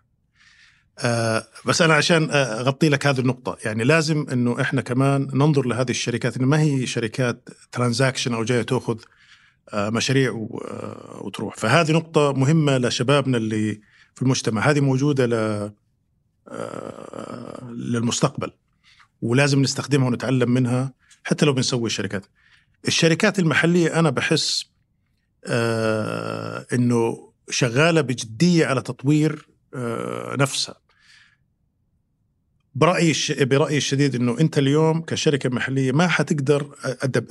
بالذات في بداية الأمور إنه يكون عندك كل الخبرات اللي في العالم. فاليوم لازم أعمل أنا شراكات، يعني أنا اليوم أنا لو أنا عندي my own شركتي الخاصة استشارية وانت فجأة جيتني قلت لي والله أنا أبغى. خبراء في الصحة يسووا لي كذا ومش فلازم يكون عندي أنا شبكة آه، شبكة خبراء في العالم سواء محلية أو في العالم شبكة بين بعض اللي يتعاونوا مع بعض. هذه هذه نقطة مهمة. أو ما يكون عندنا الإيجو أنا أقول لا والله أنا أقدر أسوي كل شيء. يعني ما في إنسان يقدر يسوي كل شيء. يعني فهمت علي؟ لازم نأخذ الخبرات إذا بتفيد العميل. الشيء الثاني أعتقد إن الاستثمار آه، أكثر. يعني الاستثمار أكثر في آه، في تطوير الحلول. إحنا يعني اليوم إحنا شوف أنا بي دبليو سي بشوف إيش في خبرات هنا وهنا وهنا آه، في بي دبليو سي وإيش صار وإيش انعمل وبنشوف كيف هذه حتفيدنا عندنا في السوق السعودي أو في سوق الشرق الأوسط. لما أكون شركة محلية ما عندي هذه ال access فلازم أستثمر في البحوثات هذه حتى لو هي شركات من third party زي ما بسموها. بس لازم أستثمر أكثر. ما أظلني ماشي على إيش ما يعني آه، إيش ما قدامي بشتغل عليه. لازم أستثمر وأشوف شو المستقبل بيكون وأخذ رأي العملاء في هذا الموضوع. بس آه، يعني في عدة ترى في شركات على مقياس كبير. يعني لما نقول شركات محلية كأنها شركات صغيرة في شركات يعني آه، ضخمة في في السعودية بهذا الاتجاه زي العلم وزي ثقه وزي غيرها يعني. يعني من برضو من المآخذ على شركات الاستشارات هو موضوع إنها تسمع العميل اللي يبغى يسمعه. فعشان أضمن العقد وعشان يتجدد العقد وعشان يمشي ال deal وش تبغاني أقول لك؟ حاضر حقول لك. ويضرب مثال يعني الدكتور حزام السبيعي ذكر مثال في تويتر عن آه، قصة فشل ذريع وسريع لمشروع CNN Plus لخدمة البث المباشر بعد أربع أسابيع من إطلاقها وهو يعزو الفشل إلى الارقام المضخمة من شركة ماكنزي اللي كانت مستشارة للمشروع توقعت أرقام اشتراكات معينة في السنة الأولى وافترضت إنه CNN عندها هذا ال brand اللي قادر على جلب المشتركين بشكل معين.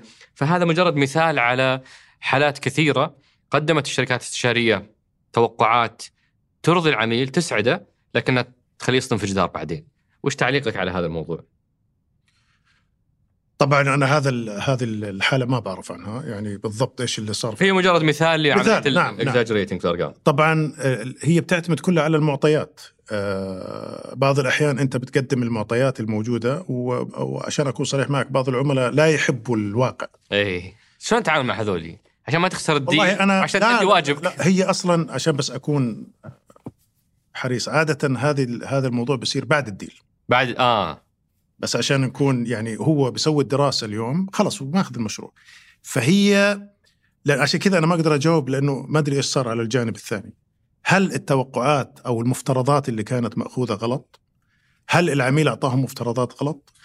أه، شوف النية أعتقد لهذه الشركات بدون أسماء للشركات إنه أنا لازم أسوي شغل ممتاز سمعتي سمعتي كشخص سمعتي كشركة my brand يعني أنا آجي آخذ واخذ معك المشروع وأحكي لك اللي عاجبك عشان آخذ المشروع وأضيع سمعتي في السوق اللي أخسر المشاريع الثانية. صعبة صعبه إنك الآن فلما تيجي لتنفيذ المشروع فانسى موضوع إنه أنا بقول لك اللي تبغاه عشان آخذ المشروع. هذه إحنا خلصنا هذا الموضوع الآن أنا داخل في المشروع. في معلومات بعض الأحيان يطلبها الشركات الاستشارية إذا إذا من العميل يمكن تكون معلومات المفترضات تكون غلط. زي ما قلت لك في يعني مش كل الدكاترة عملياتهم ناجحة. فإحنا دائما بنختار بننسى ال 99% من الدراسات الناجحة وبنركز على في المية اللي ما نجحت. أو هذول الاستشاريين فأنا أنا برأيي إنه الاستشاري لما يقدم الرأي وأنا حطيت في هذه المواقف بالزمانات والعمل هذا غلط وهذا كذا طبعا لازم إنه إيش آثار الجانبية لو إحنا قدمناها بالطريقة اللي انت هذه البروز بالأخير قرار للعميل. أنا بعطيك الأوبشن الأولاني هذه مخاطره وهذه حسناته هذه مخاطره وهذه حسناته هذه أنا بناء على المعطيات الموجودة بقول هذا الاختيار الثاني هو الصحيح وبناء على الخبرات اللي شفناها ومشي في هلا إذا العميل اختار option ثاني وعارف هذا. ف بصراحة دائما إحنا بكل حاجة ما هي بس على الاستشاري بنختار ال one case out of 1000 يعني ال- الحالة الواحدة من ألف وبصير التركيز عليها وبصير إنه هذه هي سبب ال- وهذول هم المشكلة وهذول هم الاستشاريين المشكلة. بس أنت لا تنسى ال 999 حالة الثانية استفاد منها العميل. بس في مقوله بدر جودة المستشار من جودة عميله. طبعا. بمعنى إنه قد ما العميل يطلب منك حيطلع أفضل ما عندك. فبالنسبه لك أنت أرخص شيء وأربح شيء إنك تعطيه شيء يعني بس يغطي المطلوب. لا لا. لين يتحداك هو ويضغط عليك ويرفض العمل مرة واثنين ثم إن أنت تجيب واحد أكثر خبرة. هل هذا ال- السيناريو دائما يصير؟ لا شوف خليني خليني هلأ إذا هي هذه صارت في case أو cases من بعض الشركات أنا ما أنا بحكي لك بشكل عام أي. وبالذات من من طرفنا إحنا بالعكس نبغى بنقول نبغى نروح فوق التوقعات. Above the expectation. إحنا حتى بنسوي يعني لما نيجي نسوي مراجعة مع العميل هل إحنا met expectation مشينا معك على توقعاتك ولا تعدينا ال expectation فأنا اللي بحكيه اليوم آه، جودة الاستشاري من جودة العميل معناها مش إنه العميل آه، قاعد يطالب فيك ويعمل. ال- العميل عارف إيش يبغى. إيش الاوبجكتيف من هذا المشروع؟ إيش المطلوب من هذا المشروع؟ يعمل يصنع القرار بسرعة. العميل آه، يعطيك المعلومات المطلوبة. فإذا أنت توجهك ما هو واضح ولا عندك المعلومات اللي تعطيني إياها عشان أنفذ وما بتأخذ القرار بسرعة يعني أنا ضعفت كاستشاري. هذه ما هي إنه والله إنه أنا أقدر أسحب وأعمل ال ال أعتقد أعتقد هذه يعني أنت ما بتحكي على شركات ما هي معروفة في العالم وهذا. طريقة استخدام ال consultant اللي بيطلبوا وال workshops والورشات العمل اللي بتصير تنعطى المعلومات وتقرر. مش إنه أنا بس إنه هل يكون الهدف إنه أنا بشوف أقل شيء أعطيك إياه؟ طب ما أنا حضر حالي. إحنا أنا بس أقول لك هالقصة أي. الصغيرة هذه أنا متذكر في مشروع من أيام العام 2000 الإنترنت banking. لما كانت فوعه الإنترنت banking عندنا في الشرق الأوسط وفي العالم و... وأنا كنت شغال على هالمشروع كمدير مشروع في أحد البنوك. وهذه كانت آه، في السعودية طبعا. وهذه كانت آه، يعني تحدي بين البنوك من يطلع الأول. فكان في ضغط على التوقيت تبع آه، ال launch للإنترنت banking. طبعا أنتم الجيل عشتوا فيها مأخوذة. تحصيل حاصل إيه. تحصيل حاصل. ف شغالين 24 ساعة. مذبوح أنا. والعميل deadlines كانت بصراحة ما هي بسيطة وهذا. بعدين جانا آه، شريك من آه، إذا أنا أتذكر من إيطاليا. كبير يسوي ال quality review يدير الجودة يشوف الجودة مع العميل. فأنا توقعته لما يجي يعني يسأل العميل كيف آه، كيف ال- الموقع بيكون كيف كيف شو الشباب الشغل وكيف تدري إيش ساله وبحكي لك اياها بالإنجليزي وبحاول اترجمها قال له are we making you look good هل إحنا خليناك ت look طبعا هذا المسؤول عن الإنترنت banking good قدام إدارتك إنه إحنا نفذنا وإحنا أنا قاعد. هذا الكلام قبل 23 سنة. يا ابن الحلال قاعدين نشتغل ليل نهار إحنا على الإنترنت banking وذبحنا وظلوا يغيروا ال requirements جاي تقول له you good بس ضلت في ليوم لليوم هذا في رأسي إنه واحدة من الأهداف إنه أنا I want you to shine out of this. يعني إنك أنت تنجح نجاحك من نجاحي. فاتوقع 99.99% من الشركات الاستشارية اللي شغالة اليوم اللي أنا بشوفها في السوق عندها نفس الهدف. إنه نجاح نجاحك نجاح الرؤية نجاح تنفيذ المشروع نجاح إحنا جزء منها. ف هذه هذه اللي أنا بقول لك يعني آه، وبالحديث عن عن نجاح الرؤية صدر لكم تقرير جميل قبل قبل أسابيع قليلة. اللي هو النشرة الاقتصادية صحيح آه، ومتزامنة مع منتصف الرحلة، منتصف صحيح. رحلتنا ل 2030، أنا قريت التقرير عجبني فيه إنكم كنتوا إلى حد ما موضوعيين، أنا عارف انكم ما تبغون تزعلون عملائكم لكن اشرتوا إلى بعض الأشياء المتأخرة، مثلا موضوع الاستثمار الأجنبي المباشر، آه، موضوع آه، اللي سميته أنتم السياحة الدينية، إحنا نسميه خدمة ضيوف الرحمن. آه، هذه أنتم تكلمتوا عنها بأنها فيها تباطؤ، ما هي بنفس المستهدفات. آه، ودي لو لو تمر على هذا التقرير وتعطينا من زاوية نظرك كمختص كخبير كشريك في هذه الرحلة آه، من بدايتها آه، وش أهم ما تحقق في النصف الأول؟ وش أهم الدروس المستفادة اللي نتمنى نتلافاها في النصف الثاني؟ سؤال ممتاز. طبعا الرؤية موضوع لحاله يعني كبير جدا. إحنا أخذنا آه، في هذه الدراسة زي ما أنت حكيت يعني objective إنه وين إحنا؟ الهدف منها إنه آه، زي أنت في الطريق للدمام بنص الطريق تبى تعرف أنا وصلت هل أنا فعلا بنص الطريق ولا لا. فأخذنا ال 14 pillar objectives في الرؤية ومشينا عليهم إنه إيش كان الهدف الرئيسي لهذا آه، لهذه ال objective وين إحنا من الموقع آه، هذا ال objective وجدنا إنه مجموعة كبيرة فيها تعديناها أو قريبين جدا في نص الطريق وقريبين جدا من الوصول لها كمثال يعني آه، تفعيل يعني العمل المرأة. عمل المرأة آه، إذا أنا بتذكر كان التصور 2030 أنه نوصل 32 أو 30% 30% 30% بعام 2030 اليوم إحنا أو آه، أول quarter 36% وهذه أنا شايفها قدامي في السوق وفي بي دبليو سي نفسها أنتم 25% موظفين نساء. 25% من موظفينكم سعوديات و33% أتوقع نساء. صح. لا إحنا 33 33% نساء. مزبوط مزبوط فال 56% السعوديين as whole أي. ف فإحنا نبغى نلحق على ال vision بصراحة من من ناحية النساء في في بي دبليو سي لما تيجي على ال housing السكن موضوع السكن آه، نفس الشيء. الرؤية حاطة 70% تملك المواطنين وإحنا اليوم على 67% آه، إيرادات الغير نفطية. طبعا هذه يمكن أكبر النجاحات آه، الإيرادات الغير نفطية. آه، تعديها وين حتوصل هلأ نيجي للمناطق اللي خلينا نقول يمكن تحتاج انتباه أكثر وهي اصعب بصراحة يعني جلب الاستثمار الأجنبي يعتمد كثير على الإنفراستراكشر. يعني إذا بتنظر للموضوع اللي ذكرناه في أول في أول برنامج اللي هو على الشركات الجهات الإقليمية، الشركات المراكز الإقليمية للشركات في في الرياض، هذه جزء من آه، جلب الاستثمارات ويكونوا رؤساء آه، صناع القرار قاعدين في الرياض وهذه حتصير استثمارات أكبر. أتوقع في اعتماديات بينهم، يعني اليوم أنا عشان أجيب الشركات في قوانين آه، لازم تتغير بسرعة سواء قوانين ضريبية آه، آه، تدخيل مدارس مثلا مدارس أكثر يعني أنا أنا بلاحظها هذه أكثر الخبراء اللي بنحاول نجيبهم أول شيء يدور عليه يقول لك وين المدارس؟ هل في مدارس كفاية ولا لا؟ وأنا يعني بتعامل كثير مع وزارة الاستثمار وفي إجراءات ومشاريع ضخمة بهذا الموضوع إنه جلب ال...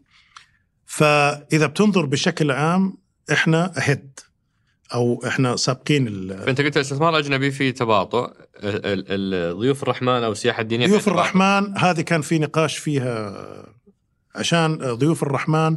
انت لا تنسى انه إحنا مرينا بجائحة كورونا. فالأهداف اللي كانت آه، لما انحطت الأهداف هذه ما كانت جائحة كورونا في في الأفق خلينا نقول. ففي تأخير آه، بتحقيق الأهداف من آه، لضيوف الرحمن خدمة ضيوف الرحمن وأنه يرتفع عدد ضيوف الرحمن وهذا. ولكن هذا بإذن الله حتلحق في في في السنوات الجاية بإذن الله قبل 2030 أيضا لفت نظري آه. لفت نظري تعليق من جهتكم على موضوع الضرائب كنتوا تقولون بأنه ظهرت الميزانيات المنشوره أظهرت الميزانيات المنشوره حتى الآن آه، جانبا ايجابيا على المستوى المالي وهو عدم وجود تقلبات في السياسة الضريبية أو حتى بعض التدابير الجديدة المهمة وهو أمر غير مسبوق خلال فترة الازدهار النفطي فقد حافظت المملكة على معدل الضريبه القيمة المضافة البالغ 15%. أنتم اعتبرتوا الحفاظ على 15% شيء إيجابي بينما كثير من المجتمع يشوفونه شيء سلبي أو شيء آه، يضغط على قدرتهم الشرائية.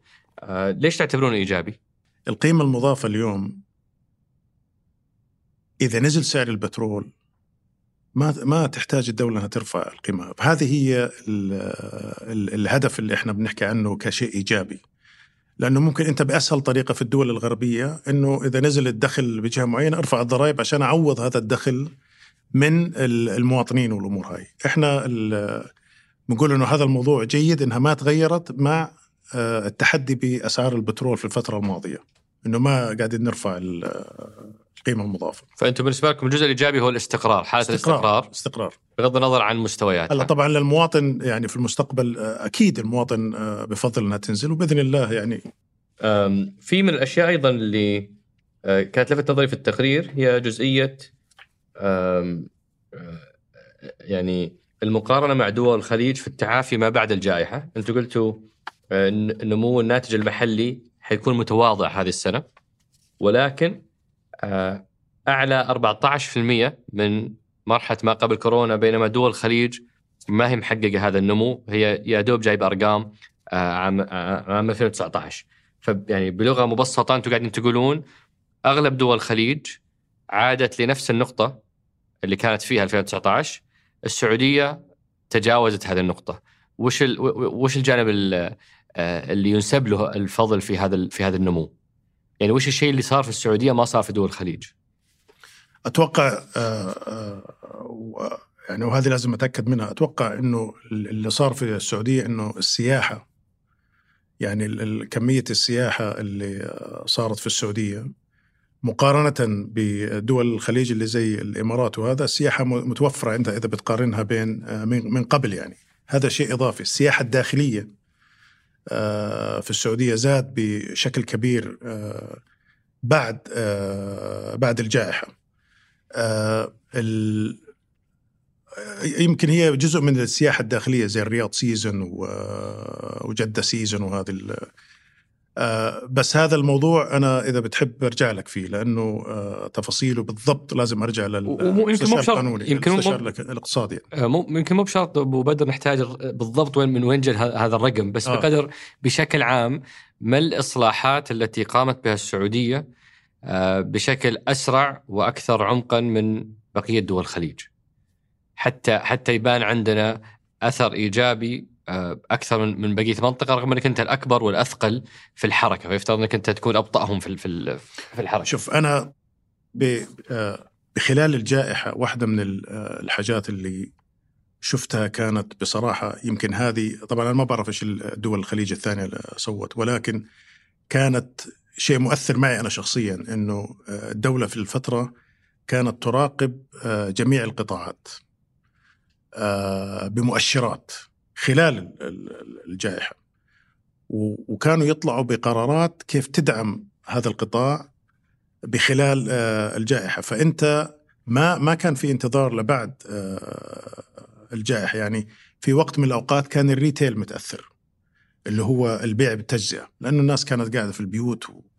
فكان إيش الدعم اللي القوانين وال وال policies اللي الدولة تحتاج تساعدها تدعم هذا ال- القطاع. قطاعات أخرى كانت زي عندك ال dashboard اللي قاعدين يراقبوا فيها القطاعات ويطلعوا في القرارات اللي تدعم آه، هذا القطاع أعتقد هذه إدارة ال- الأزمة بالطريقة هذه هي اللي ساعدت آه، ال- القطاعات والحكومة تتعافى بشكل أسرع. تتعافى بشكل أسرع. وكان في كوميتيز أو مجموعات أو لج- لجان من جميع الجهات اللي كيف بسرعة تتخذ القرار. أساس إنه آه، سواء دعم لقطاع معين أو تسهيل لقطاع معين آه، وهكذا.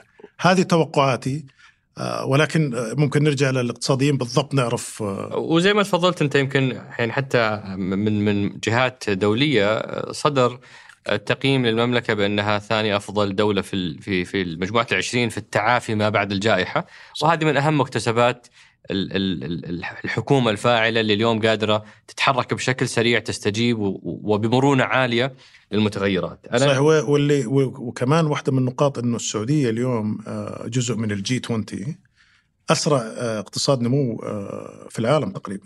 العام الماضي السنة هذه متوقع إنه السنة هذه يمكن يكون شوي عشان أسعار النفط. أبو بدر أنا ودي أختم بمجموعة من أسئلة الأصدقاء، جانا 250 سؤال يا استوعب؟ أي والله يعني آه وكثير منها عن موضوع الموارد البشرية فبنبدأ فيه، طبعا أي سؤال يتكلم عن قطاع إحنا إحنا تجنبناه عشان ما تمام نحطك في حرج. الأسئلة كلها عن بي دبليو سي تحديدا، ناس موظفين فيها، ناس غادروها، ناس لا يزالون يعملون فيها. ففي واحد يقول أنا مسؤول في استقطاب المواهب. فصلت من عملي لأني رشحت partner وأنجز كل المقابلات ست مقابلات. بعدين لما عرفوا إنه سعودي آه، رفضوا الترشيح واعتبروني أنا مقصر آه، لأني ما وضحت هذا الجانب. فيعني كان فيها صراحة رسالة آه، إن صحت فهي عنصرية جدا مقيتة آه، حتكون آه، مزعجة. فنحتاج وأسئلة كثيرة تتكلم عن موضوع عدد البارتنر يعني أنت أكدت إنه حدود 15% آه، لا أتوقع ولا أتمنى أن يكونون 100% سعوديين لأن محتاجين خبرات من كل العالم بس توقعت 50% أو بشرح لك أنا بعدين التحدي على هذا الموضوع. يا ريت آه، موضوع ال partners وترشيحهم في السعودية هل أن تكون سعودي نقطة ضعف عشان توصل لل- لل partner ولا وش نظرتكم لها؟ تبغاني أرد على. النقطة الأولى يا ريت. النقطة الأولى ولا هذا على النقطة الأولى و طيب. شوف إحنا موضوع طبعا عام. آه طبعا إحنا آه في شركة بي دبليو سي عندنا شيء بنسميه ال ethics hotline أيوه. وهذا global فإنه شخص يجي يذكر آه شيء من هذا القبيل لو في عندنا مشكلة زي هذه كان راحت لل ethics hotline وبدخل فيها investigations أو تحقيق إنه آه فهذه الشركة يعني يمكن أنا ما بعرف أنا خايف يكون موظف زعلان ولا هذا بس إنه آه تكون في عنصرية إنه واحد ترشح ووصل وبعدين هو انفصل عشان هذه هذه مستحيلة. مستحيلة. مستحيل يعني أنت عندنا 1200 موظف سعودي. وفي ال- ال- ال- الخطوات اللازمة إنه نحقق إحنا آه، التحقيقات في هذا الموضوع إذا صار شيء من. يعني اليوم أي واحد ممكن يرفع هذه الشكوى عالميا. هذه ما هذه ما آه. هي ما هي مزحة. وبنحط لها ولازم نعملها آه، تقارير لازمة إيش اللي صار وكيف التحقيق ونتائج التحقيق. فأنا حتجنب هذه لأنه ما عندي غير دقيقة. آه، ما عندي المثل اللي أرد عليه. السؤال الثاني كان على الشركاء. صح؟ إنه صحيح. ليش عدد الشركاء قليل السعوديين؟ آه. شوف آه اولا إحنا خلينا نبدأ. أنا ذكرت لك آه، أخوي عمر إنه آه مجال الاستشارات ما كان مرغوب قبل خلينا نقول 2015 لل- للشباب الخليجيين بشكل عام على فكرة. يمكن السعوديين الآن أكثر أكثر مواطنين اللي آه تقريبا تكاد تكون هي يعني بداية. اول خيار أول خيار والخيار المفضل لاغلب الخريجين المتميزين الآن. حاليا. الآن. ولكن لو رجعت قبل آه، قبل 2015 2016 خليني أقول لك أنا أشتغل 12 ساعة ويعني فهمت علي؟ في مجالات أخرى و ف فكخبره كعادات كخبرة في مجال الاستشارات أنا بقول ما هو التدقيق وال والأذرز. ما عندك السبلاي ما عندك الحجم ال- الخبرات المتوفرة في هذا الموضوع. انه يكون لأنهم دخلوا متاخرا لهذا دخلوا. متأخرين وهذا. فنبدأ إحنا فإحنا جينا من سنين قلنا إحنا كشركة بنو... بن... بنوظف في السعودية تقريبا 200 فريش جراجويت كل سنة. نبغى يكونوا 99% سعوديين. And we have been successful في هذا الموضوع. ليش؟ عشان نوصل ال... ال... إيش بصير الشباب طبعا ال demand عالي الطلب عليهم هذه الخبرات وخاصة لما يكون عنده سنتين خبرة في شركة زي بي دبليو سي بصير الطلب عليه والطلب عليه مش بس من الشركات الاستشارية الثانية من الجهات. من الجهات الحكومية من هذا لأنه هذه اللي محتاجها البلد الخبرات هذه. فهذول إنك ت... إنه يظل ويكمل المشوار عشان يوصل partner آه ما هي سهلة ما هي سهلة. يجي له عروض إغراءات إنه آه ومجالات ممتازة ما هي مجالات سيئة فإحنا طلعنا في برنامج في بي دبليو سي سميناه همم وهذا البرنامج آه بالإنجليزي إحنا بنقول عنه attract, develop and retain Saudi nationals يعني بصراحة أو هو آه هو الهمم برنامج attract اللي هو استقطاب. جذب استقطاب آه تطوير. و retain. اللي هو الح- الحفاظ الحفاظ على الموظف. ليش طلعنا في هذا البرنامج؟ لأنه أنا شخصيا أبغى أشوف أكثر partners ومن من- يعني أفضل لشركة زي بي دبليو سي إنه يكون خليني أقول 50% من ال partners اللي عندك هذا المنطقي هذا المنطقي. فهمت علي؟ فاهم السوق متدرب باسم الشركة. خلص يعني أنت قربت للعميل وعمالك تخدم المجتمع بنفس الوقت. ف بقول لك بعد ما يخلص السنتين يجذب من ال- الشركات والآن إذا بت- بتلاحظ وطبعا أنا لما اجلس مع بعض العملاء الكبار عندنا في في البلد فبقول لي نفس نفس الأسئلة هذه وبشرح له أنا ال- الموضوع هذا ف وأنا متذكر عميل أقول لك إياه بصراحة في أحد الجهات آه، الجهات آه، قال لي يعني يا رياض أنت بتقول إنه أنتم 50% سعوديين وكذا وينهم؟ قلت له آه تعرف إنه أنت أخذت من عندي 15 موظف سعودي؟ أوكي.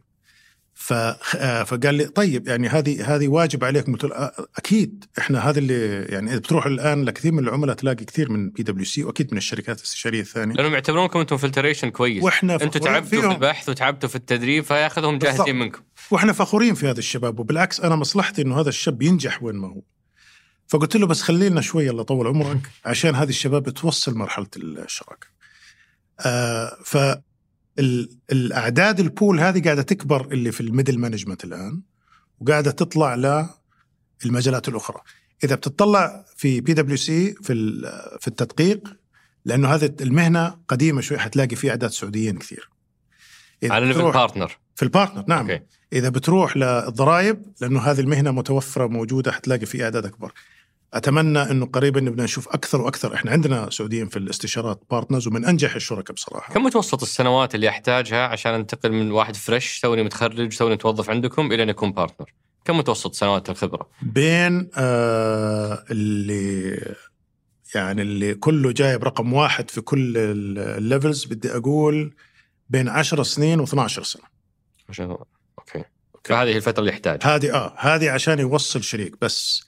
إذا يقدر يصبر من الإغراءات في خلال المجال آه، لأنه شوف بعد فترة لما يصير senior manager وزي ما يعني في الإدارة العليا و director وهذا هذه الشركات ليش ليش ما بتدفع زي ال- الجهات الحكومية؟ لأنه هو بيعتبر كم كم من سنة الأولى هذا استثمار مني أنا كشركة فيك فهمت علي؟ أنا قاعد الآن أصرف بلاوي على التدريب والشادوينج وال هلا بعدها أنا حصير كشركة أستفيد من خبراتك لأنه أنت حتصير ال- المستشار للعملاء فساعتها أقدر أعطيك أكثر فهمت علي؟ فكل ما علي أكثر كل ما بعطيه أكثر. فهي طبعا إحنا شبابنا وجيلنا مستعجل قديما آه، الشركات هذه ما كانت ترضى تعين مستشارين ب levels أو ب آه، يعني بعدد سنوات أعلى من خريج جامعة. إحنا فتحنا الباب الآن عشان نجيب شباب أكثر بمستويات manager و senior manager عشان أقدر أدخلهم.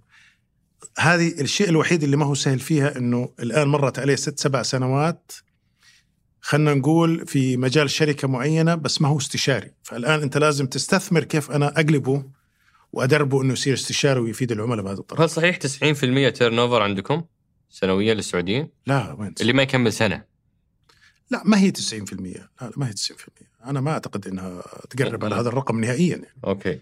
بس هي أنت أنت لاحظ يعني اليوم آه العدد عالي بس ما هو 90% بتحكي لك أتوقع في العشرينات. في كان في الثلاثينات في قبل كم من سنة. وإحنا بعد ما آه حطينا برنامج همم آه نزل للعشرينات أتوقع. يمكن من الملاحظات على بيئة العمل هو موضوع آه، آه، اختلاف الجو. بحسب ال partner اللي انت تحته.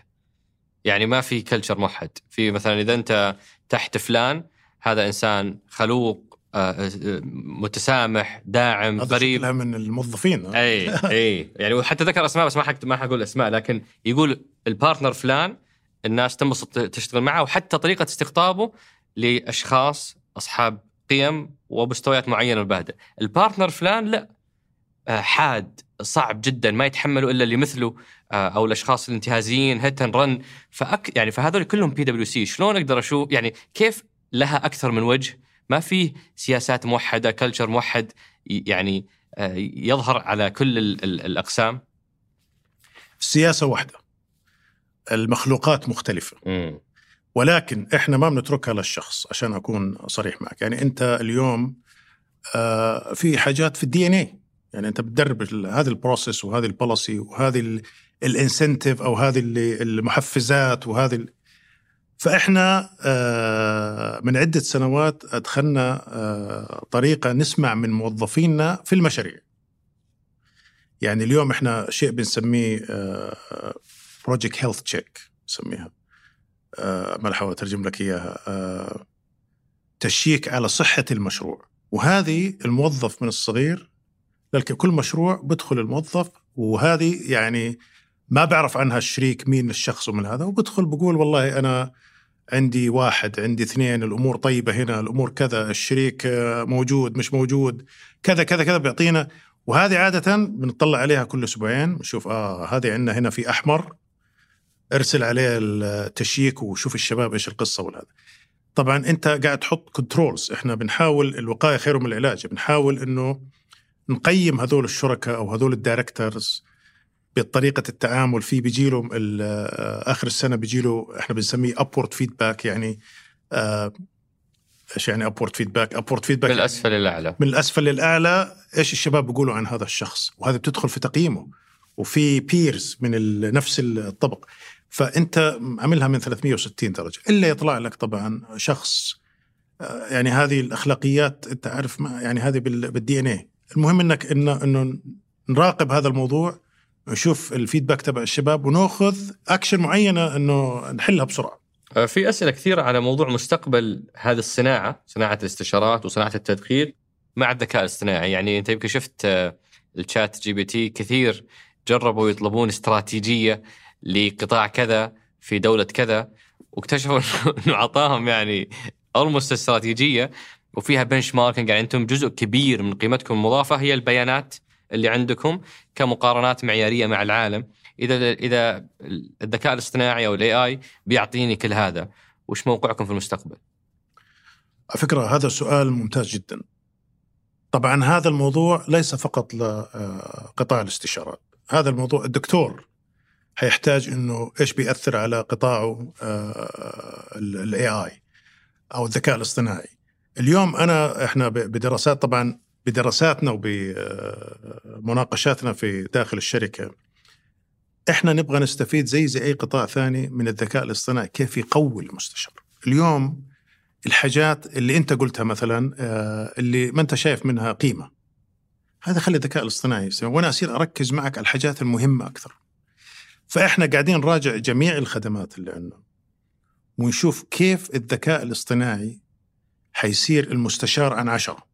يعني أنا حقدر أخدمك بإذن الله إذا قدرنا آه، أخدم العميل بتكلفة أقل وبقيمة أعلى ما في يعني وهذه أنا بقول تنطبق على جميع القطاعات. آه، أعطيك مثال آه، كنت بحكي مع شبابنا إنه كيف أخلي عن طريق ال AI مدير المشروع الواحد ما يعادل خمسة أو عشرة من مدير المشاريع قبل ال AI.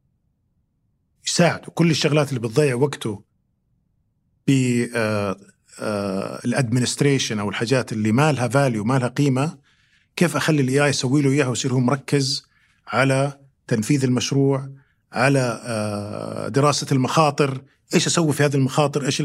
فأنا أتوقع إنه ال AI الاستشارات ما حتنتهي التدقيق ما حينتهي آه، لأنه كل ما آه، كل ما تطور المجال كل ما ال requirements أو الاحتياجات تختلف. ف ولكن التوقعات من المستشار من الشخص حتكون أعلى.